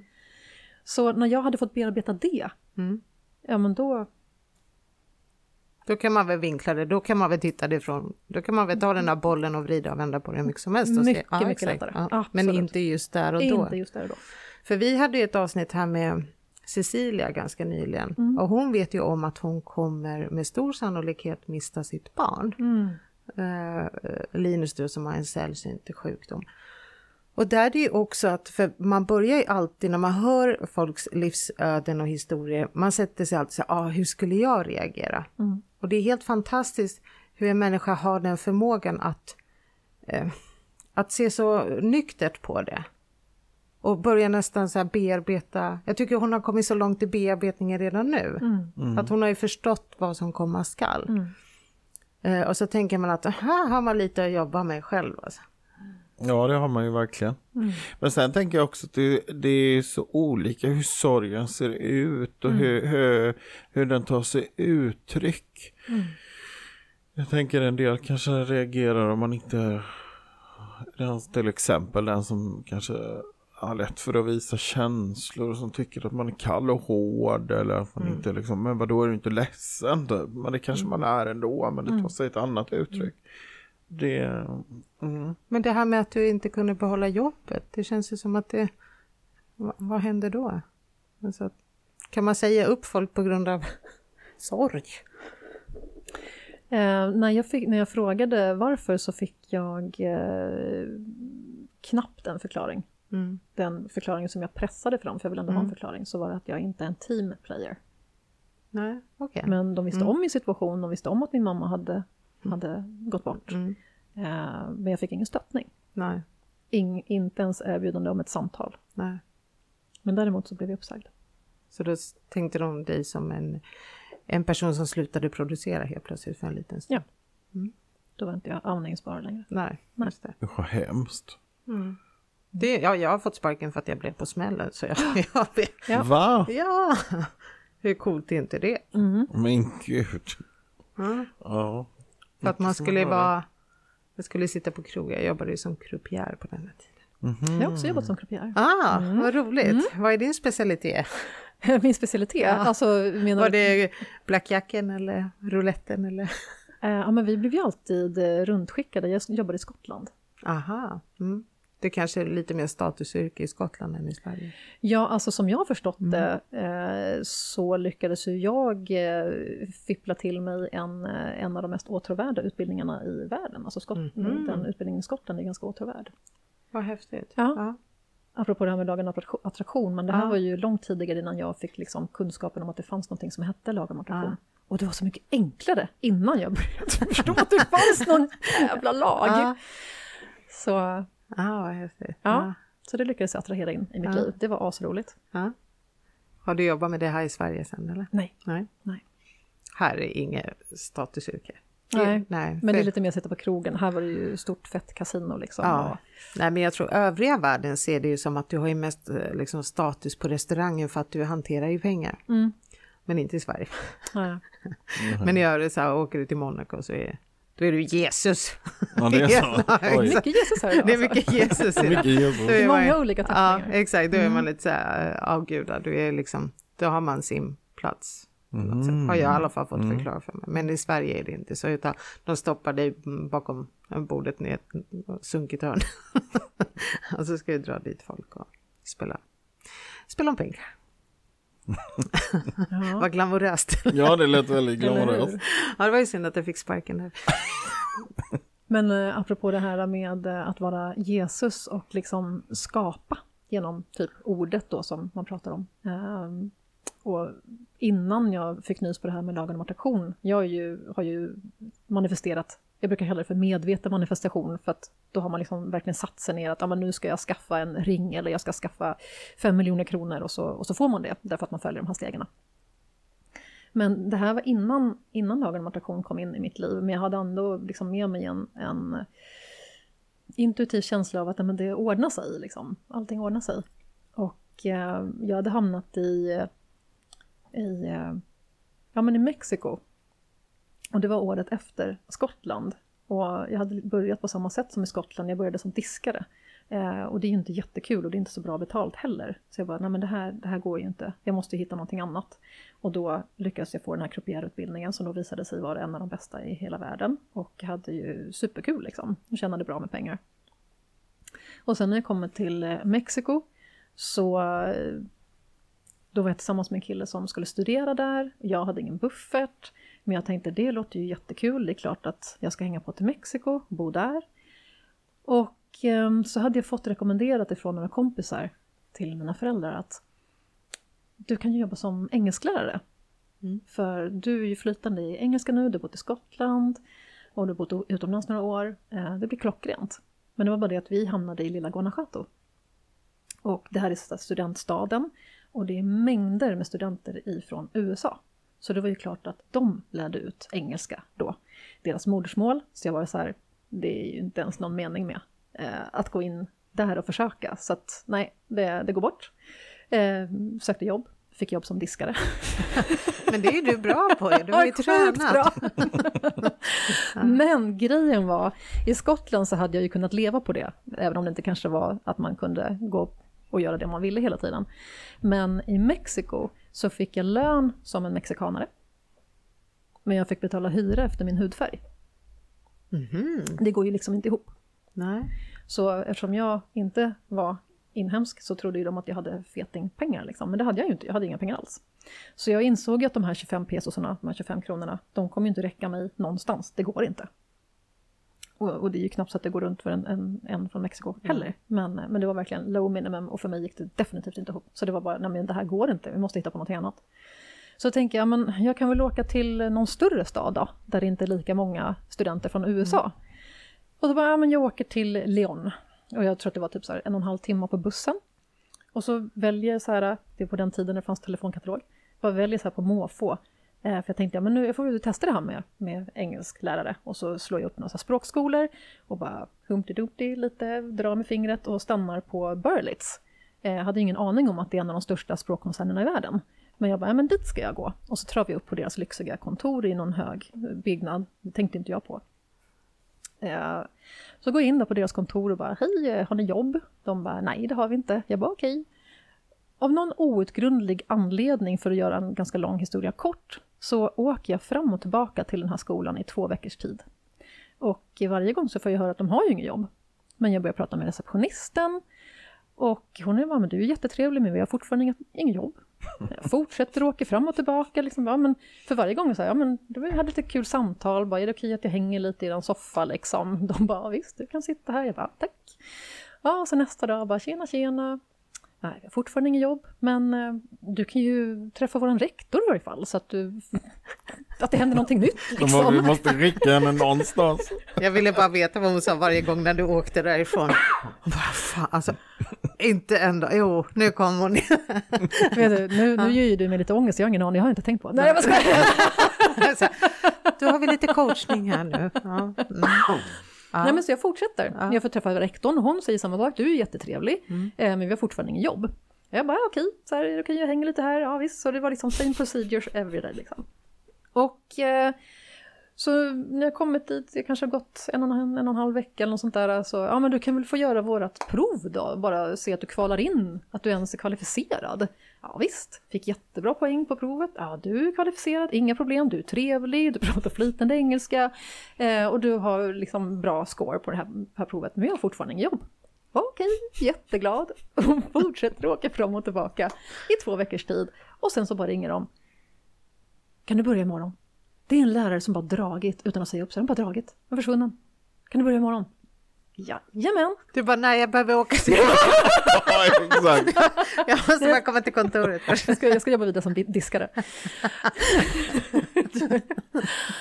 och eh, då får jag ju lära mig den här Birdits-metoden. Jag har ingen aning om hur lång den utbildningen är egentligen, men jag kan inte tänka mig att det är två timmar. Men det var den utbildningen jag fick. Ja. Och sen nästa dag så håller jag min nästa lektion. Det gick åt helvete. Ja, skönt. Men jag fortsätter ju och eh, blir lärare där. Och som jag sa, det var ju en av de största språkkoncernerna i världen. Det visste jag ju inte då. Men jag fick ju feting betalt så jag behövde ju bara jobba några timmar om dagen och sen kunde jag bara leva lyxlivet resten. Men gud, vilken grej. Eller hur? Gud, sjukt. Ja. Den är, den är Ja, jag, jag tänkte, ska vi inte kopiera den där? Ja. Vilket, vilket kontor ska du åka till? Mm, jag letar upp någonting kring Ja, men tänk vad kaxigt. Vi bara, jag ser redan hur jag kommer med min eh, lilla påse med matlåda och frågar är det okej om jag använder mikron? och så har jag lite veckotidningar, sitter och bläddrar lite och kanske vilar en stund på soffan och så bara, nej, om man ska ta och åka hem och så kommer jag tillbaka nästa dag. Det här måste vi testa. Men du nämnde också de här olika stegen. Eh, är det någonting som är enkelt att dra igenom? Vad är det för steg? Eh, på engelska är det ju ask, believe, receive. Så det är alltså steg ett, att vi ber om det. Steg två, believe, att vi ska tro att det verkligen är möjligt och där kommer ju verkligen tilliten in. Receive, eh, där är det ju verkligen att gå som att du redan har uppnått det som du, du vill uppnå. Om det är det här kontoret till exempel, att vara i den känslan, du får agera som att du redan har det här kontoret. Och jag som tänker mycket så här på energier och frekvenser, jag skulle ju byta ut mikrovågsmaten mot kanske lite, vad vet jag, vad vill du ha för härlig energi i det där? Det kanske ska vara lite, jag vet jag, bubbel, det kanske ska vara lite Ja, de kanske dukar fram en buffé när de ändå vet när jag kommer. med härliga livgivande grönsaker, groddar. Jag har ingen Ja. aning vad som finns i, i, i dig liksom, där du vill spira. Choklad antar jag. Lite lyxig choklad, ja, men, Men det vi blir kan väl klockrent. bryta av med någon bulle ibland. Eller, Så eh, ja, men det är ju de stegen. Ja. Och eh, jag har tagit med några av mina favorithistorier i mitt Mm. kapitel i, i boken också. Bland annat om eh, när, och apropå det här med att, att man verkligen ska sätta en energi som eh, min ring nu som jag visar upp här, ja, väldigt vacker ring. den är Mm, ju jättefin. awesome. Den hade jag satt som intention att jag ska köpa en ring Ja. som representerar och liksom symboliserar den här energin som jag ville in i. Med lyx och liksom lätthet och frihet och liksom det här glamorösa. Så det hade jag satt som intention. Jag hade gjort de här Ask, Believe, Receive. Jag har suttit och visualiserat och känt in den här känslan. Och sen så en dag så bara känner jag när jag är ute på kundbesök att idag, idag är jag ska köpa min ring. Mhm. Men jag hade ju liksom inga pengar att köpa någon ring. Men vad hade du tänkt att det här skulle kosta? Hade du Nej, någon... det är sånt ska man inte tänka. nej, nej, nej. Och, kolla första rookie-misstaget. ja, precis. vad kostar det här? Eller hur? Ja. För det är, ju- det är ju det, så det är ju en bra fråga. Liksom. Nej, men jag tänkte som du visste att du inte hade pengarna så tänkte jag att då kanske du vet vad det kostar. Ja, Om vi ska nu hålla på och vrida och vända. ja, men det är ju en bra fråga. Därför att det är, ju, det är ju det vi oftast fastnar i. Ja, såklart. Pengarna. Pengar. Ja. Och så sätter vi upp hindren helt plötsligt. Ja. Men, men vi ska ju se förbi pengarna. Mm. För att pengarna är ju bara ett medel, det är ju bara en energi. liksom. Exakt. Och framförallt pengarna, eller energin Mm. bakom pengarna. Ja. Så det handlar ju verkligen om att se förbi alla de här begränsade tankarna om oss själva och livet och människans potential. Utan bara sikta in oss på ringen och energin. Och det var ju det jag hade gjort. Så att när jag fick till mig att jag verkligen kände så här, nej men idag är dagen jag ska köpa min ring. Tro inte att jag bara gick så här, ja nu ska vi gå och köpa en ring för 10 miljoner kronor, piece of cake. Tvärtom. Utan jag snubblade ju in i rädslan med att ja, men jag har ju inga pengar, hur ska det gå till? Men jag visste att om jag skulle stanna i det, för det gör ju ingenting om vi liksom tippar in i någon rädsla, men om vi fångar upp oss och tar oss tillbaka till tillit och in i den här tillåtande energin som jag brukar beskriva det som. Och den tillåtande energin, en bra genväg in i den är tacksamhet. Mm. Så vi bara totalt släpper taget om allt motstånd. Så jag gick i, i den här tillåtande energin och eh, så bara kände jag att jag ska bara låta mig, jag ska bara känna in vilken butik jag ska gå in i. Och bara tänk bort, ingenting med pengar, utan bara följ den här känslan, var vill jag gå in någonstans? Och så kom jag fram till en smyckesbutik och kände bara, ja men okej, det är här jag ska gå och kolla på min ring. Och bara bestämmer mig för att jag ska ha en rolig stund med den här expediten. Och har en jättetrevlig, jätterolig stund med den här expediten. Och är jättenoga med att inte kolla på prislapparna, för då kommer jag faila Ja. totalt. Eh, det går inte. Så jag börjar bara kolla på ringarna och prövar och känner. Och sen så efter ett tag när vi haft det supertrevligt och kollat på massa fina ringar, bland annat den här, det var en av de första, så känner jag att jag börjar tappa energi. Och då vet jag att nu, nu, måste, jag, nu måste jag göra någonting, för annars kommer det gå åt pipsvängen. Eh, då kommer jag inte lyckas med mitt uppdrag. Så för att spara mig lite tid, eller vinna lite tid rättare sagt, så säger jag till expediten att ja, men jag kommer gå iväg på ett ärende. Och eh, sen så kommer jag komma tillbaka och då kommer jag veta exakt vilken ring jag ska köpa. Det var min vakenhypnos till mig själv. Jag hade ingen aning om hur det här skulle gå till. Och butiksbiträde bara, okej. Ja, säkert. Sure. Säkert. Ja, sure. Lämna din handväska i pant.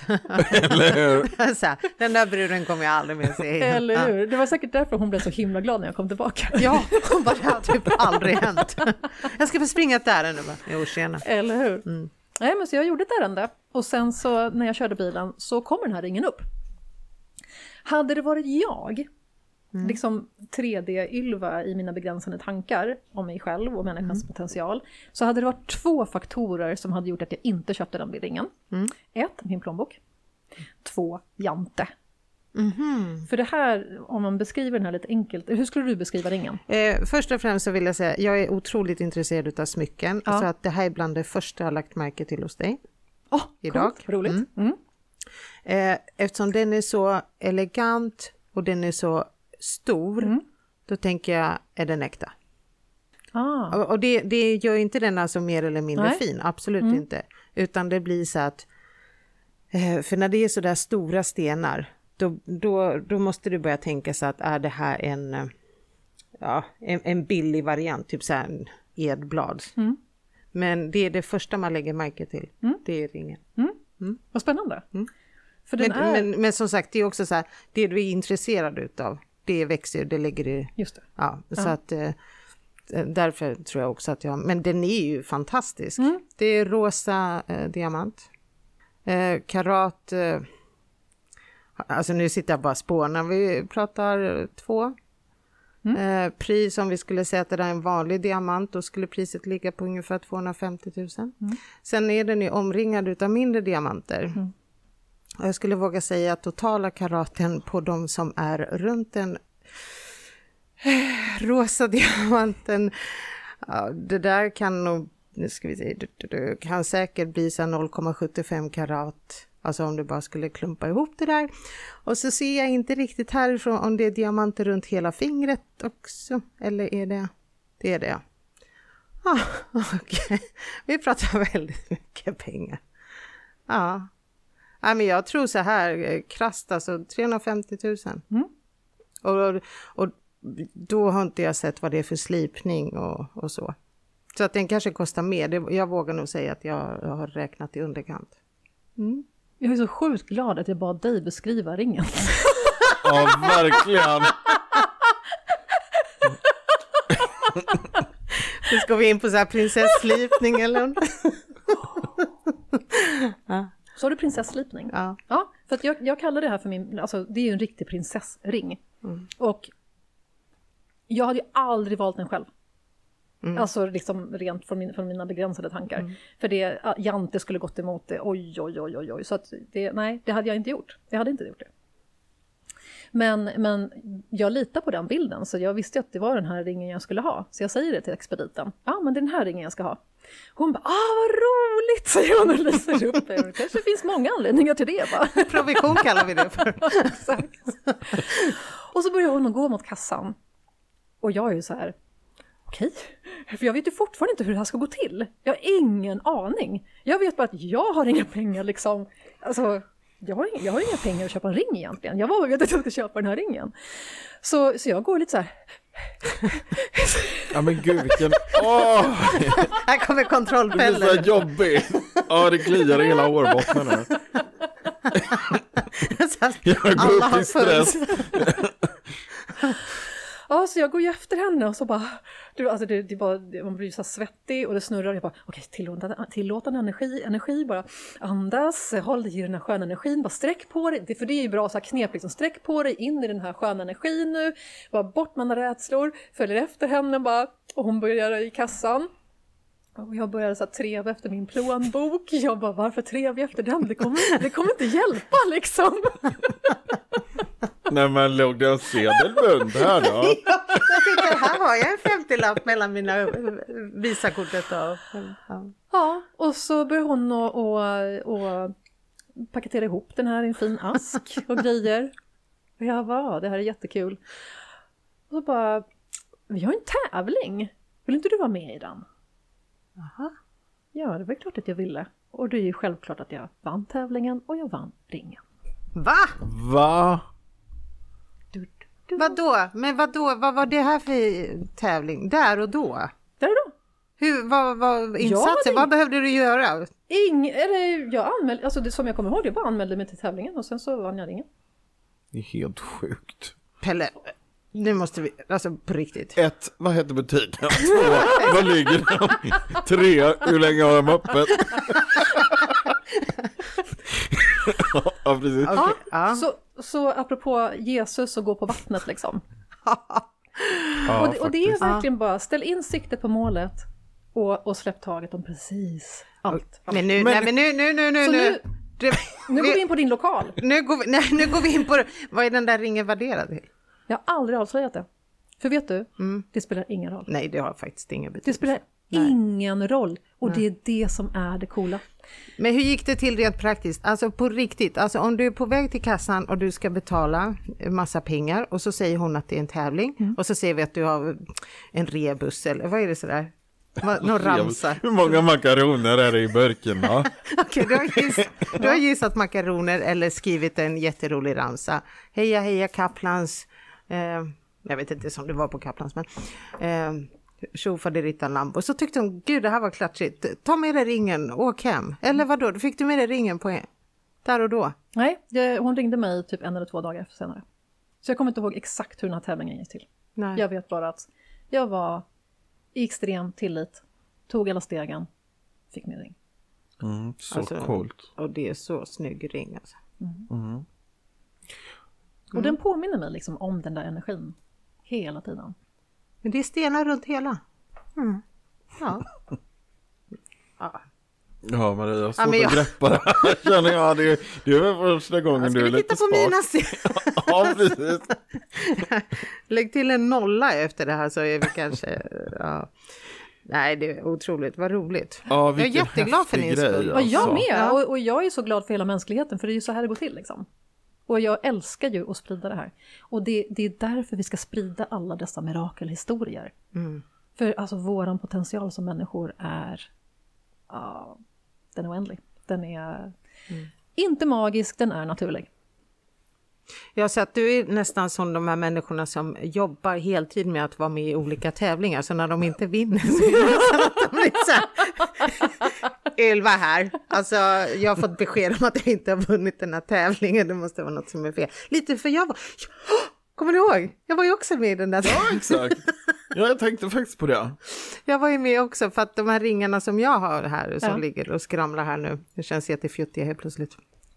Eh, jag har ju gjort dem eh, tillsammans med en guldsmed i Västerås. Det låter inte så pjuttigt. Nej, det, är inte så, det var ett jätteroligt projekt. Mm. Jag tog allt mitt skräpguld. Jag har varit förlovad fyra gånger och gift en gång och allt det där. Så jag tog med mig lite glitter och glamour hemifrån och åkte till Västerås. Och så frågade jag Benjamin, heter han så? Ja, nickar Robert. Benjamin och sa, vad gör vi med det här? Och sen så designade vi det som skulle passa mig.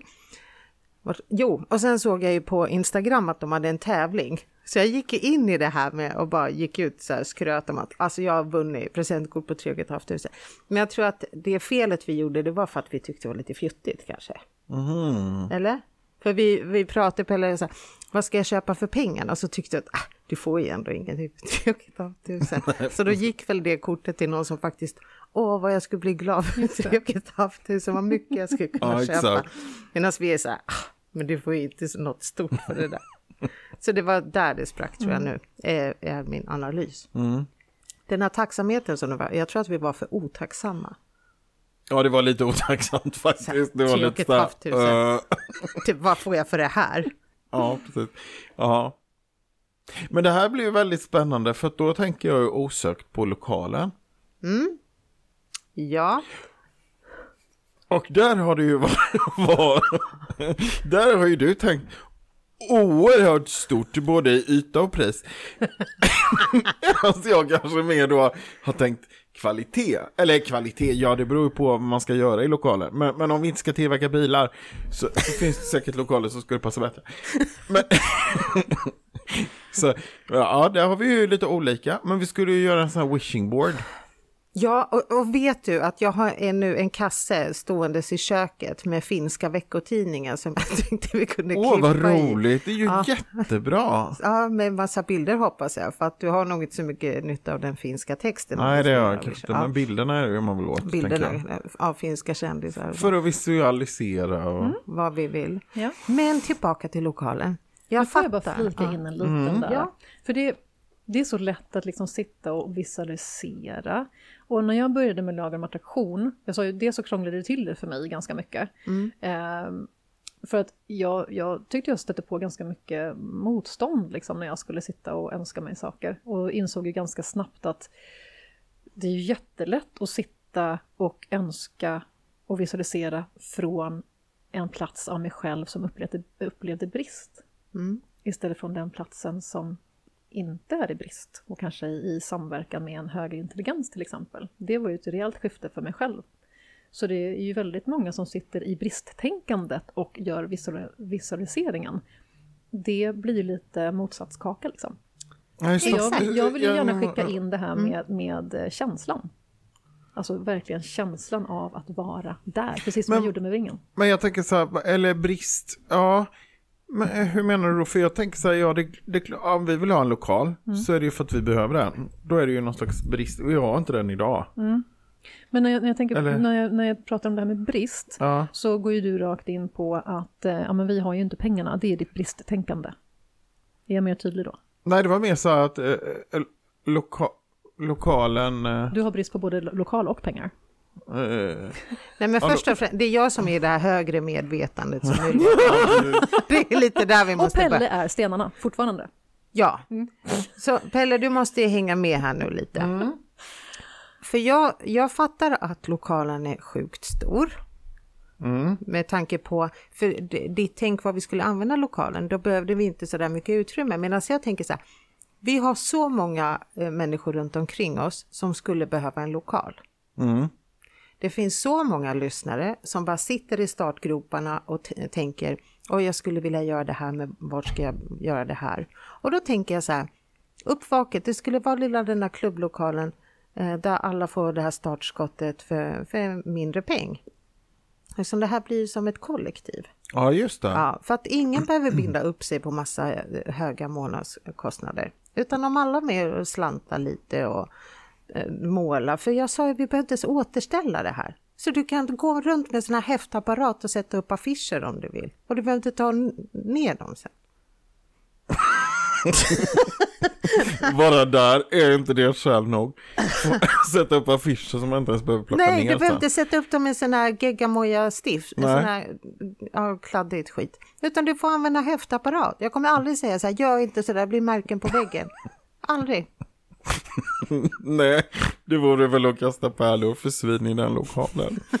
Men Jag ska ta dit dig. Alltså du kommer bli så kär i den där lokalen. ja, det vore coolt. Ja, då kanske Då det blir levande på något sätt. Du Ja, då ska jag skämmas då. Då ska jag... Och säga fy Fabian, har jag sagt dumma saker om det här? Ja. Du har inte ens varit där. Nej, du jag har bara sett den på, Ja. jag har sett på bild och då när jag såg den här stora eh, transport, den här porten på åtta gånger åtta kvadrat så Pärleporten. fy fan vad bra! Det kanske är så den kommer heta. Ja, kom till uppvaket via Ja, Pärleporten. Det är ju askaxigt. Ja. Du ser Oj, det. det nu gick han igång. Nu, Ja. nu hittar vi känslan. Det är ju roligt också det- om det ringer på dörren. Man bara, jag öppnar dörren. Mm. Såg men- den här enorma lastbils... Men vänta nu, Men heter då, inte då, han... då ska du säga Sankt, Sankte Per. är det Ja, för att det är Per. Ja. Ja, Per-Olof i Sankte Pelle. Sankte Sankte Per. Det är jag som är, jag är Sankte typ Pelle. han, Fadde eller vad heter han som står utanför Uh, Spybar. jag bestämmer vem som får komma in och vem som får gå in på baksidan. Och så säger du ta ett varv runt kvarteret. Ja, Till dem exakt. där du är lite tveksam. Så beroende på dag, då vet man om du svarar som Fadde.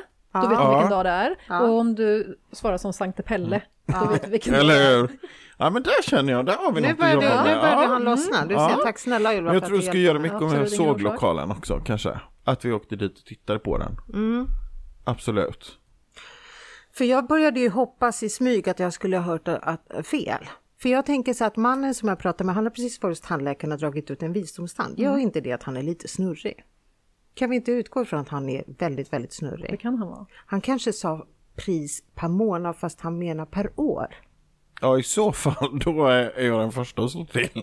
Eller hur? Ja. Så jag ska ringa honom och fråga hur Och det han kan ju mår. också vara så här äh, typ 75 000 kronor per kvadratmeter per år. Kan det stämma? För han, Är det inte, är det inte så man brukar ja, det var säga? 1000, Jo, för han sa 1000 bla bla bla någonting per kvadratmeter. Ja, okej. Mm. Ja, sa han. Och så gjorde jag kalkylen för jag vet att den är på 800 någonting. Mm, Men det kan, alltså mellandagsrea, det måste ju finnas inom fastighetsvärlden också. Black Friday. Speciellt Black nu. Friday. Speciellt nu. Oj, oj, oj. Ja, Ja, ja Ja, precis. Nu är det bara rackabajsans alltså. för han sa att vi inte behövde använda lokalerna till bikram yoga. För Han sa det specifikt. Han sa det specifikt att det kommer att dröja innan det blir så varmt. ja. ja, nej men som, ja det... Men vad Ylva är ju med med god energi här så att Ja. nu, ja, jag är med. Ja, men det är redan Ja. klart. Jag älskar det där Ja. området Och vem dessutom. vill göra bikram-yoga? Excuse me. Eh, exakt, excuse me. Liksom sitta där problem. och svettas i grupp. Det är bättre att frysa i grupp. ja, Det är fräschare på något sätt. ja. ja, nej jag vet inte. Ylva, följ med oss och titta på det här. Ja, jag tror att du, definitivt. ja. Jag är med. Men jag fastnade lite. eh, eh, eh, Men jag Jag är, så måste bara rädd, för att jag vänta, ska fatta. för, för att jag är så rädd att Pelle ska pantsätta din ring. Va? Ja. Häng med. Ja, det är bäst att inte titta bort. nej, verkligen. Nej, du, Varför du skulle jag göra det som det? inspiration bara. Ylvas precis. ring, Ylvas ring, Vi har ju prinsessringen. pengarna. Ja, inga problem. Ja, lokala. Robert har redan sålt sin ena njure. Ja, exakt, exakt. Åh gud, nej så långt ska vi inte behöva gå. Men, men jag tänkte bara på det här, jag fastnade lite på det här, för att jag fattar vad du säger, det här med brist. Att inte komma, att inte fastna i brist. Men s- är det jag som är obegåvad nu eller? För jag, jag Nej, det brukar inte vara du. Jag har inte trillat ner på lätten riktigt. Det ska inte komma i brist, men om jag önskar någonting eller behöver någonting eller ska, ska skaffa, då är det ju de facto någon form av brist, för annars hade jag ju inte velat ha det. Eller förstår du hur jag tänker? Så i Och så din visualisering Ja, så behöver du helt hoppa över det. att jag inte har det. Utan det är bara att Du visualisera har att jag redan har det. Ja. Jag kan ge dig en låtsasnyckel. En blå plastnyckel runt halsen. Till lokalen, En till. Pärleporten. Den går till Pärleporten.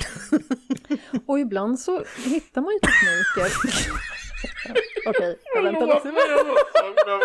En stor sån plastnyckel. Ja, gud vad roligt. Ja, vi kan göra det mer hiphopigt och göra en guldstor nyckel Ja, det vill jag ha. runt kedja. Så får Fast det är ingen ja. dum idé. Nej. Alltså det här med skratt och att liksom bara rocka loss och bara skoja till det. Alltså den, den, den högfrekventa energin den kommer ju från glädje och bara eh, inte ta det så himla seriöst. Så att en teknik är ju faktiskt att gå in i just det. Alltså när du har hållit på och skrattat, du har dansat, du har larvat dig och är den goa energin. För då är det ju inte något bristtänkande. Nej. Då kan du gå rakt in i visualiseringen, det blir skitbra. Men om det är så att man har svårt att göra det, då kan man ju gå in och liksom titta på vad det är, för det är ju lite min specialitet, det här med varför har vi inte det vi önskar? För där kan vi ha de här paradigmen eller mönstren, vi har eh, alltså allt det som vi bär med oss som liksom sanningar inom sådana här har, vad heter det? Mm, Harpassar. situations... Situationstecken. Ja, exakt. Mm. Och det är ju de, de sanningarna eller osanningarna som vi vill medvetandegöra. Ja, just det. Det blir som låsningar liksom. Ja, det kan man se det som. En liten block liksom. Men vad skrämmer dig med den här lokalen? Pelle? Jag vill veta. Och, ja, det som skrämmer mig då, om vi ska titta närmare på detta, det är kanske först att det verkar ligga i ett industriområde. Men det kan jag ta bort. Det ligger 200 meter från en tvärbana.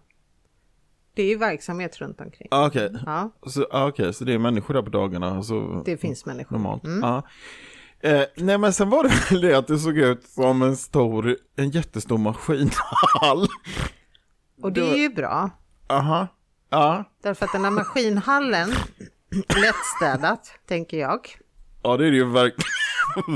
verkligen. Ja, och om vi nu utgår ifrån att det kanske är betonggolv så kan vi lägga någonting mjukt fint. Vi kan gå in på Blocket, säkert köpa någon plastmatta och lägga över. 800 kronor.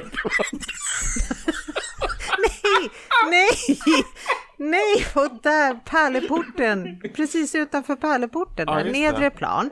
Där kan vi ha dans. Ja, Och sen kan vi ha yoga. Vi kan ha meditation. Det är mysigt. ja det är mysigt. Jag tror snart börjar de rea ut eh, sovsäckar. Alltså det går och liggunderlag. Så kan vi göra det lite så här mysigt. Ja, just det. Ja. Eh, det är på bottenplan. Så okej.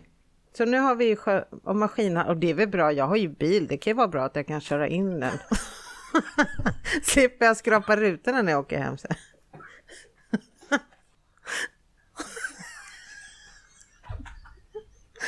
Inte?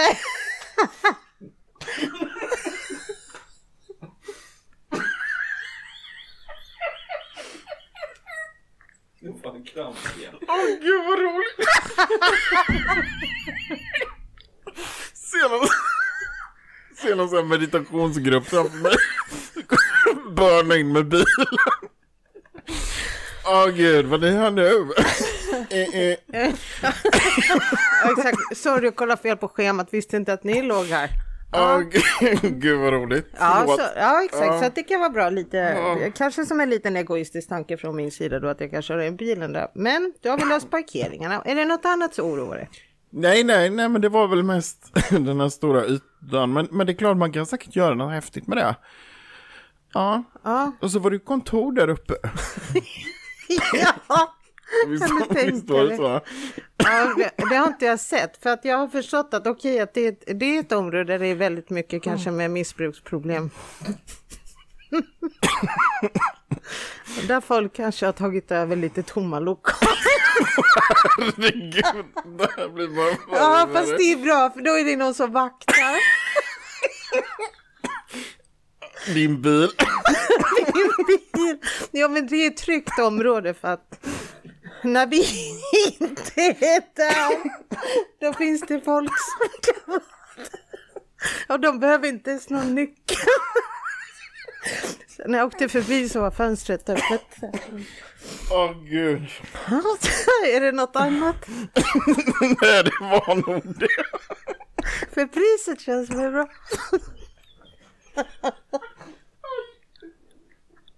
Och jag börjar träna precis, jag har så ont i musklerna. Och jag har en ny spiral. Va? Jag har fått en ny spiral. Ja, Som liksom nyper lite. Ja, faktiskt. Det känns som, ja, det nyper lite. Ja, jag förstår. Eller det gör jag egentligen, för jag har aldrig haft någon, men, men, men jag hör vad du säger.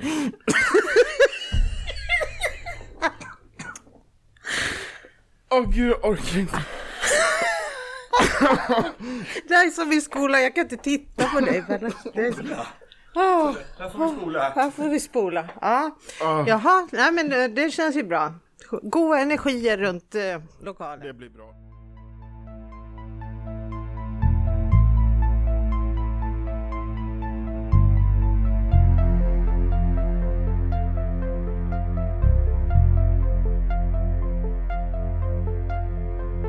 Hur känns det för dig Pelle? Jo, det känns bra. Jag fick ju gå ut härifrån för att jag fick så fruktansvärda kramper i hela kroppen. Så att jag, men nu är det så bra igen så. Nu är jag tillbaka. Tänkte ta ett glas Cola Zero. Som, Ja, nej, jag glömde det i frysen. ja, precis. Den har jag varit och plockat ut redan. Och så tänkte jag så här, åh, perfekt. Häller upp ett glas. Ja, Och ska precis föra det till munnen när jag tittar på flaskan och ser att nej vänta nu, det här är inte Cola Zero, det här är vanlig Coca-Cola. Nej, Ja, nej, säg jag tror någon inte. försöker säga någonting. Men jag är inte riktigt sant. klar över vad. På riktigt, har du Ja, köpt vanlig cola? köpt vanlig cola. Det är så roligt för att jag, jag berättade om typ förra avsnittet. Så hade jag köpt hem cola, jag dricker absolut inte vanlig Nej. läsk för det tycker jag är fruktansvärt onödigt. Utan eh, jag dricker så här, Cola Zero ibland, jag tycker det är gott.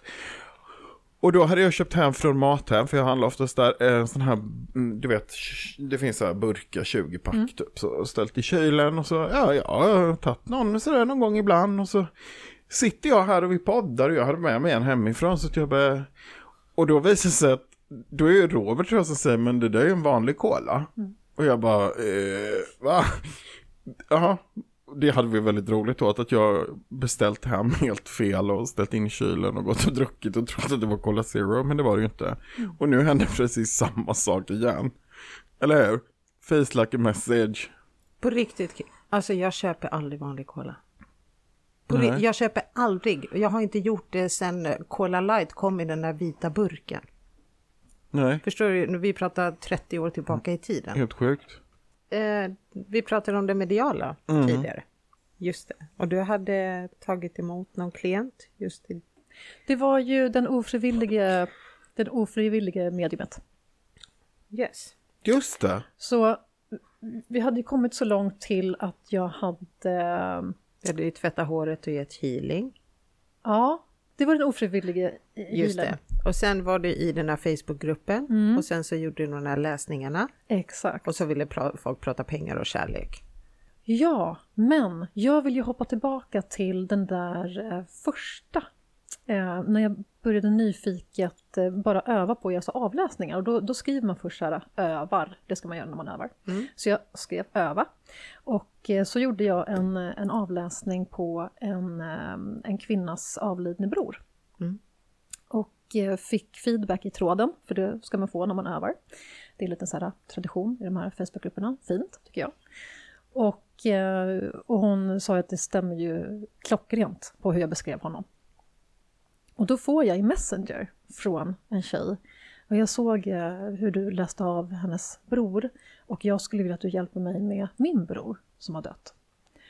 Och där kände jag, oj vilket stort ansvar. Ehm, så dels så sa jag ju till henne att du måste, du, jag övar endast. Men jag kan ju också se att det finns en mening med att du kontaktar mig.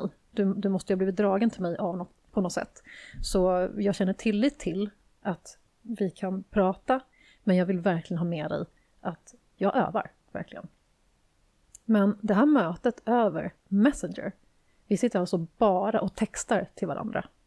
Vi har ingen fysisk kontakt, inte ens över telefon eller Zoom, utan bara i Messenger. Det här resulterar i att eh, jag får kontakt med hennes avlidne bror. Och det är så mycket, hon är så i mycket smärta, den här kvinnan, att hon har förlorat kontakten med sin familj. Hon har avskärmat sig från familj, vänner, hon lever extremt isolerat och är så mycket smärta.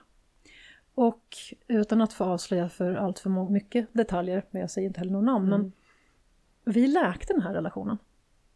De fick gå igenom en förlåtelseprocess. Eh, De fick uttala allt det som var osagt. Eh, han kom med väldigt mycket liksom, budskap till henne som hjälpte henne att förlösa den här sorgen. Och, eh, och det var första gången som jag verkligen, verkligen vet, jag kunde förnimma den här personen. Jag ser hur han är klädd, eh, han pratar, han är väldigt ivrig, han är väldigt ivrig med att få fram de här budskapen. Så det var väldigt levande. Plus att hon får den här förlösningen i det här helandet. Och sen några dagar senare så får jag en, en feedback från henne där hon har skrivit hur det här har förändrat hennes liv. Hon har tagit tillbaka kontakt med familjen, hon har öppnat upp sig totalt. Och hon beskrev det som att när hennes bror dog, han, han dog i en motorcykelolycka, så förlorade hon halva sig. Han, han tog med sin halva av henne, så att hon, hon levde liksom inte riktigt efter det. Eh, och efter helandet så började hon leva igen, hon fick tillbaka sitt liv. Och jag, jag fick ju aldrig se det själv, men jag tror inte att hon skulle ljuga om det. Hon sa att hon till och med ändrade sin ögonfärg i, det här, i den här läkningen. Um, så det, det var ju, all, allting var ju så fantastiskt i den händelsen. Dels att hon, att hon fick helandet, att hon fick sitt liv tillbaka. Eh, det mystiska med att hon ändrar ögonfärg. Och sen också det här med att jag hjälper henne bara i Messenger. Ingenting annat. Så det, det var en sån häftig upplevelse. Vilken grej! Mm. Och vi som har varit lite så skeptiska, funkar saker och ting via Zoom? Och då ser man ju ja, exakt. varandra. Ja. Just det, och sen den, den finaste delen av det hela, men gud, jag, nu kommer ju allting tillbaka till mig. Eh, det har jag glömt bort. Eh, jag fattar på något vis att han är fast mellan världarna. Och jag är ju inte tränad i det här. Alltså jag, har inte, jag tror jag hade läst någon bok så här om något medium som pratade med avlidna. Så jag var ju hela tiden, så fort någon ny information kom, så sa jag okej, okay, jag förstår att han är fast mellan världarna, han behöver hjälp vidare. Jag kan inte göra det. Eh, så att du, du kan kontakta den här kvinnan, skrev jag. Men medan jag skriver det, då ser jag deras morföräldrar komma som i ett ljus. Och jag bara, ehm, det kanske betyder att jag kan göra det här, att jag kan hjälpa dem. Liksom. För att de skulle inte kommit om jag inte skulle kunna hjälpa dem, det har jag ändå tillit till. Så, men jag ville få en bekräftelse av henne, så jag frågade, era morföräldrar, är de över på andra sidan? Ja. Och då kände jag att okej, där fick jag den bekräftelsen som jag behövde. Och bad dem hjälpa honom över. Som bara bad aktivt att hjälpa honom över. Och sen så gick han över och sen så fick hon frid. Wow! Och vilken upplevelse! Ja. att få vara med om också. Det är ju helt galet. Man blir så ödmjuk. Ja.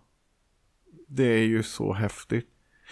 Ja, gud vilken grej. Ja, men alla gånger man har fått vara med och förändra någon människas liv. Alltså. Mm. Det, det sköna är ändå att när man är i den där stunden, då är det magiskt, det är häftigt. Eh, det känns som allting är möjligt. Mm.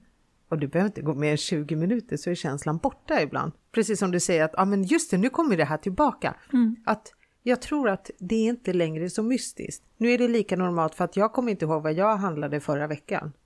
Jag kommer inte kunna rabbla den inköpslistan för er för att det är så naturligt. Och jag tror att det är lite samma sak att när man har gjort det ett par gånger mm. så är det på något sätt, ja, gick att förändra någons liv. ja men det, allt normaliseras ju. Ja, att det, ja, man gör det mycket ja. och ofta. Men det tar ju verkligen inte upplevelsen alltså. Nej. Eh, jag vet en kurs jag gick, en medialkurs där jag fick hjälpa en person över eh, till ljuset. Mm. Alltså det var så starkt så att det var helt mindblowing.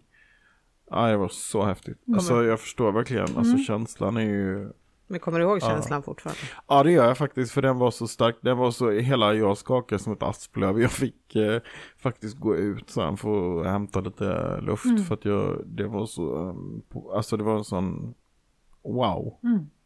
Du svarar mycket med kroppen du Pelle. Ja det gör jag. Otroligt mycket mm. med kroppen. Mm. mm. Det gör jag med. Ja det gör det. Mm. Ja. ja. jag kan det... känna mina klienters känslor liksom och emotioner. Och... Ja just det. Mm. Ja. Hmm. ja. Pelle du har en egen programpunkt. Ja. Det här handlar ju om någonting helt annat. Ja men det gör ingenting. Nej. Det är säkert otroligt kloka råd och vi tar emot det. Hoppas att det inte är boktips eftersom inte vi tar emot mina boktips bara. Det är ett boktips idag. Totte går till doktorn. Nej. Totte går till en ofrivillig Här kommer, eh, här kommer eh, någonting kommer nu. Jingel. Jingel kommer nu. Mm. Pelle tipsar och killgissar. Jo, ni förstår. Som jag redan har sagt, jag har ju börjat på Itrim. Och då vänder jag mig till alla där ute. som, det måste finnas fler än jag, som tänker att ja, man ska gymma och ja, det är bra för kroppen, men det är så fruktansvärt tråkigt. Det kan ju inte bara vara jag som har den känslan. Nej, det kan vara fler. Ja, det, jag tror det är ganska många faktiskt. Men då vill jag tipsa om i Trim, som jag går på nu. De har ju ett gym.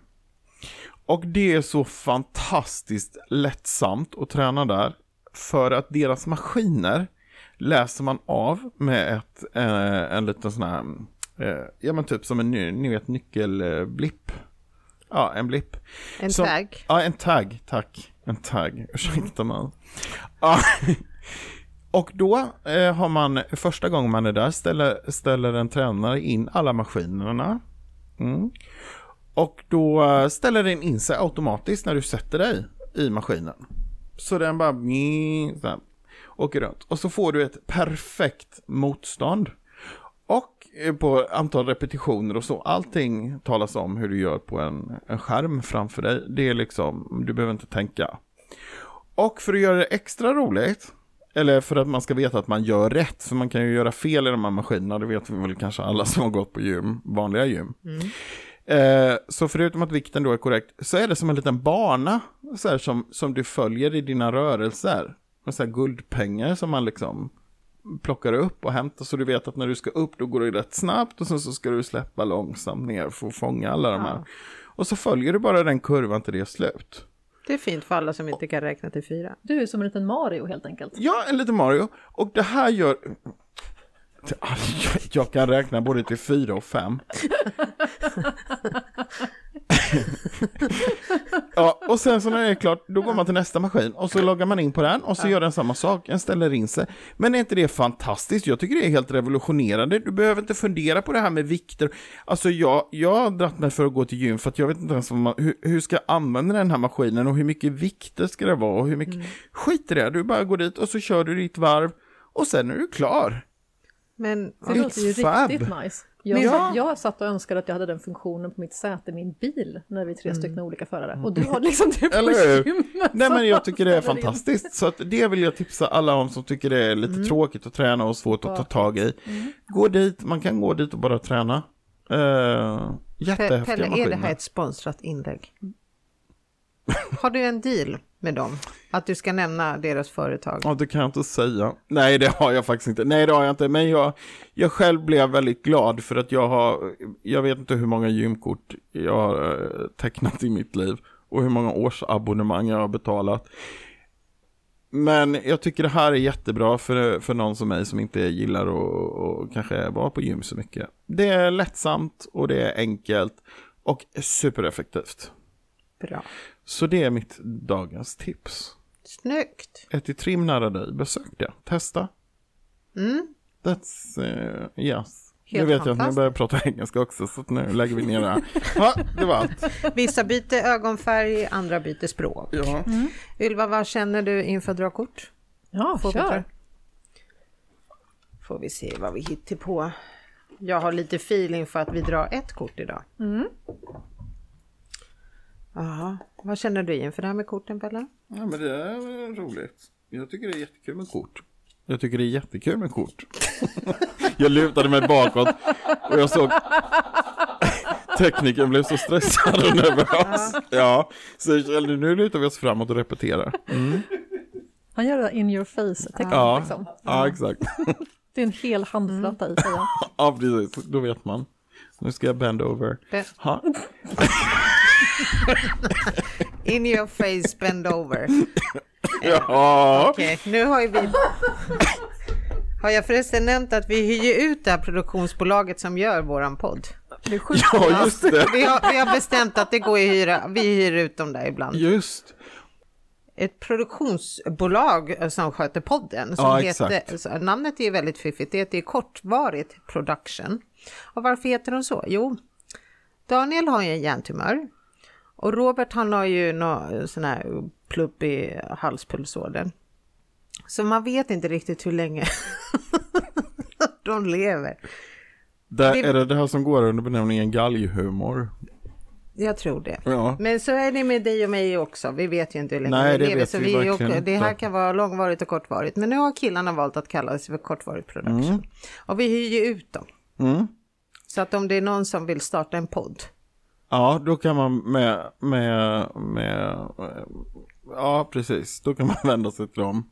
Med, jag skulle säga någonting, med, de får med beröm godkänt av oss. Ja, eh, ja men absolut. Men sen tänker jag så att vi kanske ska vara med och styra vilka vi hyr ut dem till.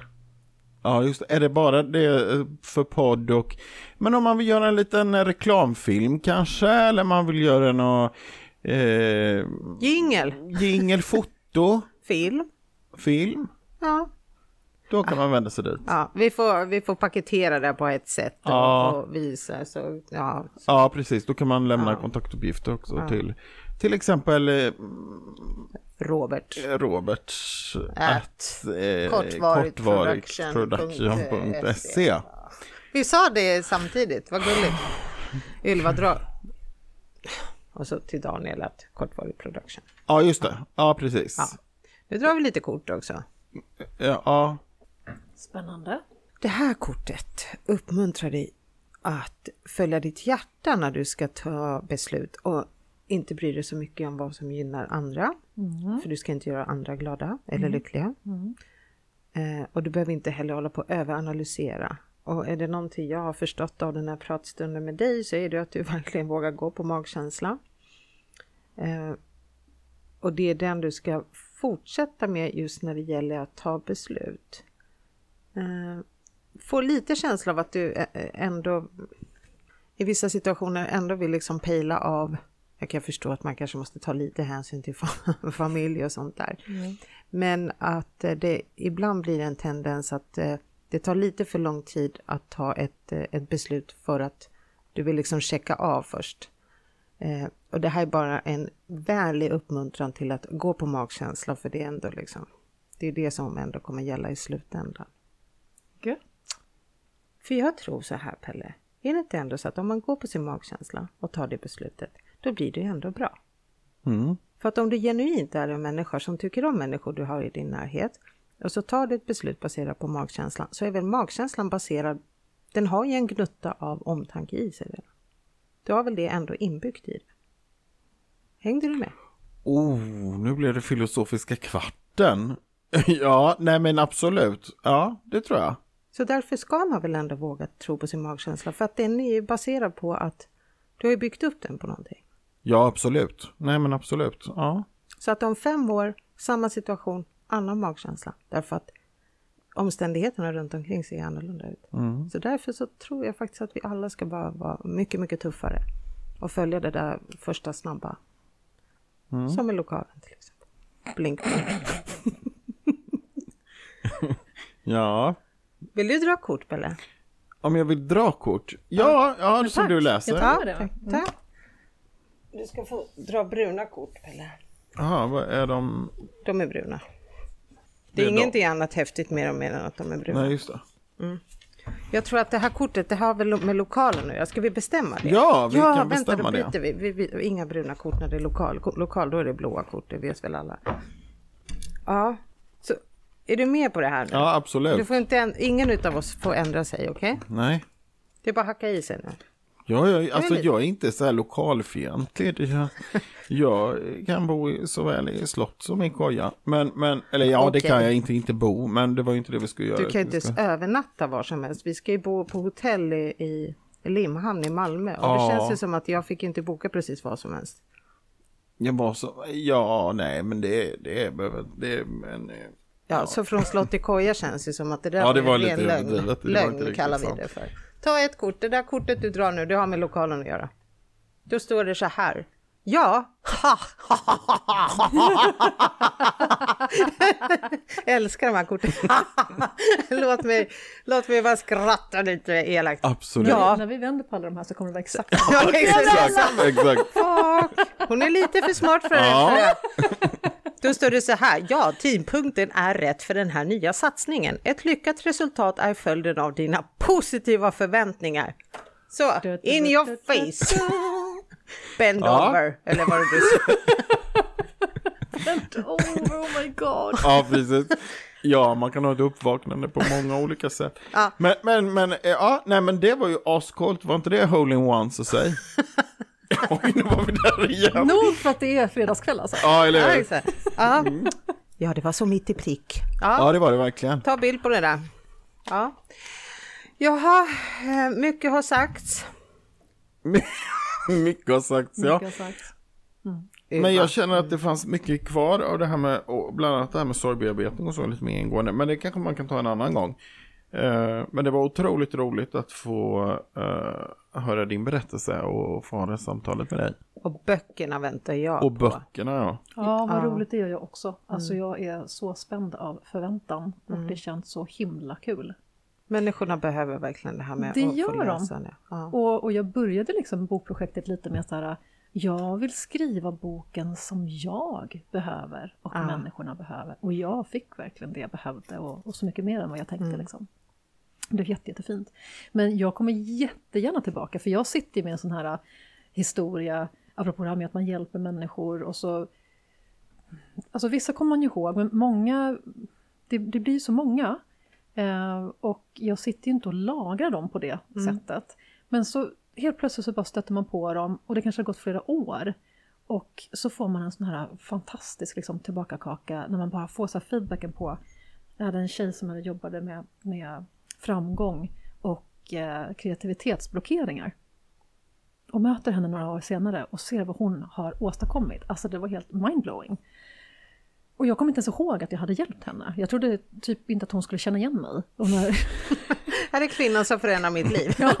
och, ja. och man kanske, jag vet inte, man kanske lämnar det som en, som en cliffhanger. För det finns otroligt mycket mer roligt att, att berätta. Både om sorgbearbetningen och, och att skapa sitt liv. Och, Åh, måste- vad roligt, vi ja. gör en uppföljning. ja, och mycket det här med, med blockeringar. Och det här tror jag är någonting många lyssnare verkligen har saknat. Ja, är, hur ska man ta tag i de här blockeringarna? För de finns där, även om man inte fattar det själv. Vi gör så att vi, eh, dörren är alltid öppen. Vi får se om vi ses här eller i vår lokal som ligger vid Årsta. ja men det blir lokalen då. Hur känns ägarkänslan nu? Väldigt bra. Har du målat kläderna på dig fortfarande? Mm, nej men nu har jag tagit på mig, nu har jag nästan lite kostym när jag Nu är det står. invigning. Nu är det invigning, Gött. nu hälsar jag alla välkomna. Mm. Pelle du har någon typ av vaktmästar-outfit på dig. I min dröm. I min dröm Jag såg jag... honom så här i värsta fracken Ja, och flugan ja, och värsta fläden. Nej, jag ska tydligen vara någon slags... Vaktmäst. Som rullar ut plastmattor ute i verkstaden. Men du sydd i det där solskyddet i balkongen. Alltså du har ju visat att du, du kan verkligen fixa stuff. Nej, nu tycker jag det här var ett tråkigt slut, en tråkig slutkläm. Vaktmästarkläder. Jag tänker, jag, jag tänker mer, ja jag är nog också inne lite på det här med frack. Ja, vi får se vad det blir. Jag tror att det där kommer att landa i när du har sett lokalerna. Det kommer Då landa, kommer vi få se om du vill ha vaktmästarkläder eller om du vill ha frack. eller hur? Kolla bara så att det är din egen frack så att det är ingenting som behöver lämnas tillbaka. Ja, exakt. Är han Oljefläckar och liksom? Eller vadå? vi bara snubblar. Dropp, droppsnopp? Ja, det är klart. Nej, Jag orkar inte, jag får inte börja skratta igen här. Jag får en kramp. Men då går vi och dricker cola med socker då. Gör det. Ja. Ja. Tusen tack för idag Ylva, dörren Ja, står stort öppen. tack. Ja. Och tusen tack själva, det har ju varit eh, superroligt. Tack för att jag fick vara här. Ja, väl bekomme. Ja, kul att få ta del av er härliga energi. Ja. ja. Och till alla lyssnare, tack för att ni lyssnar. ja, tack för ert tålamod. Ja, fantastiskt. Tusen tack. Ha det gott. Hej då!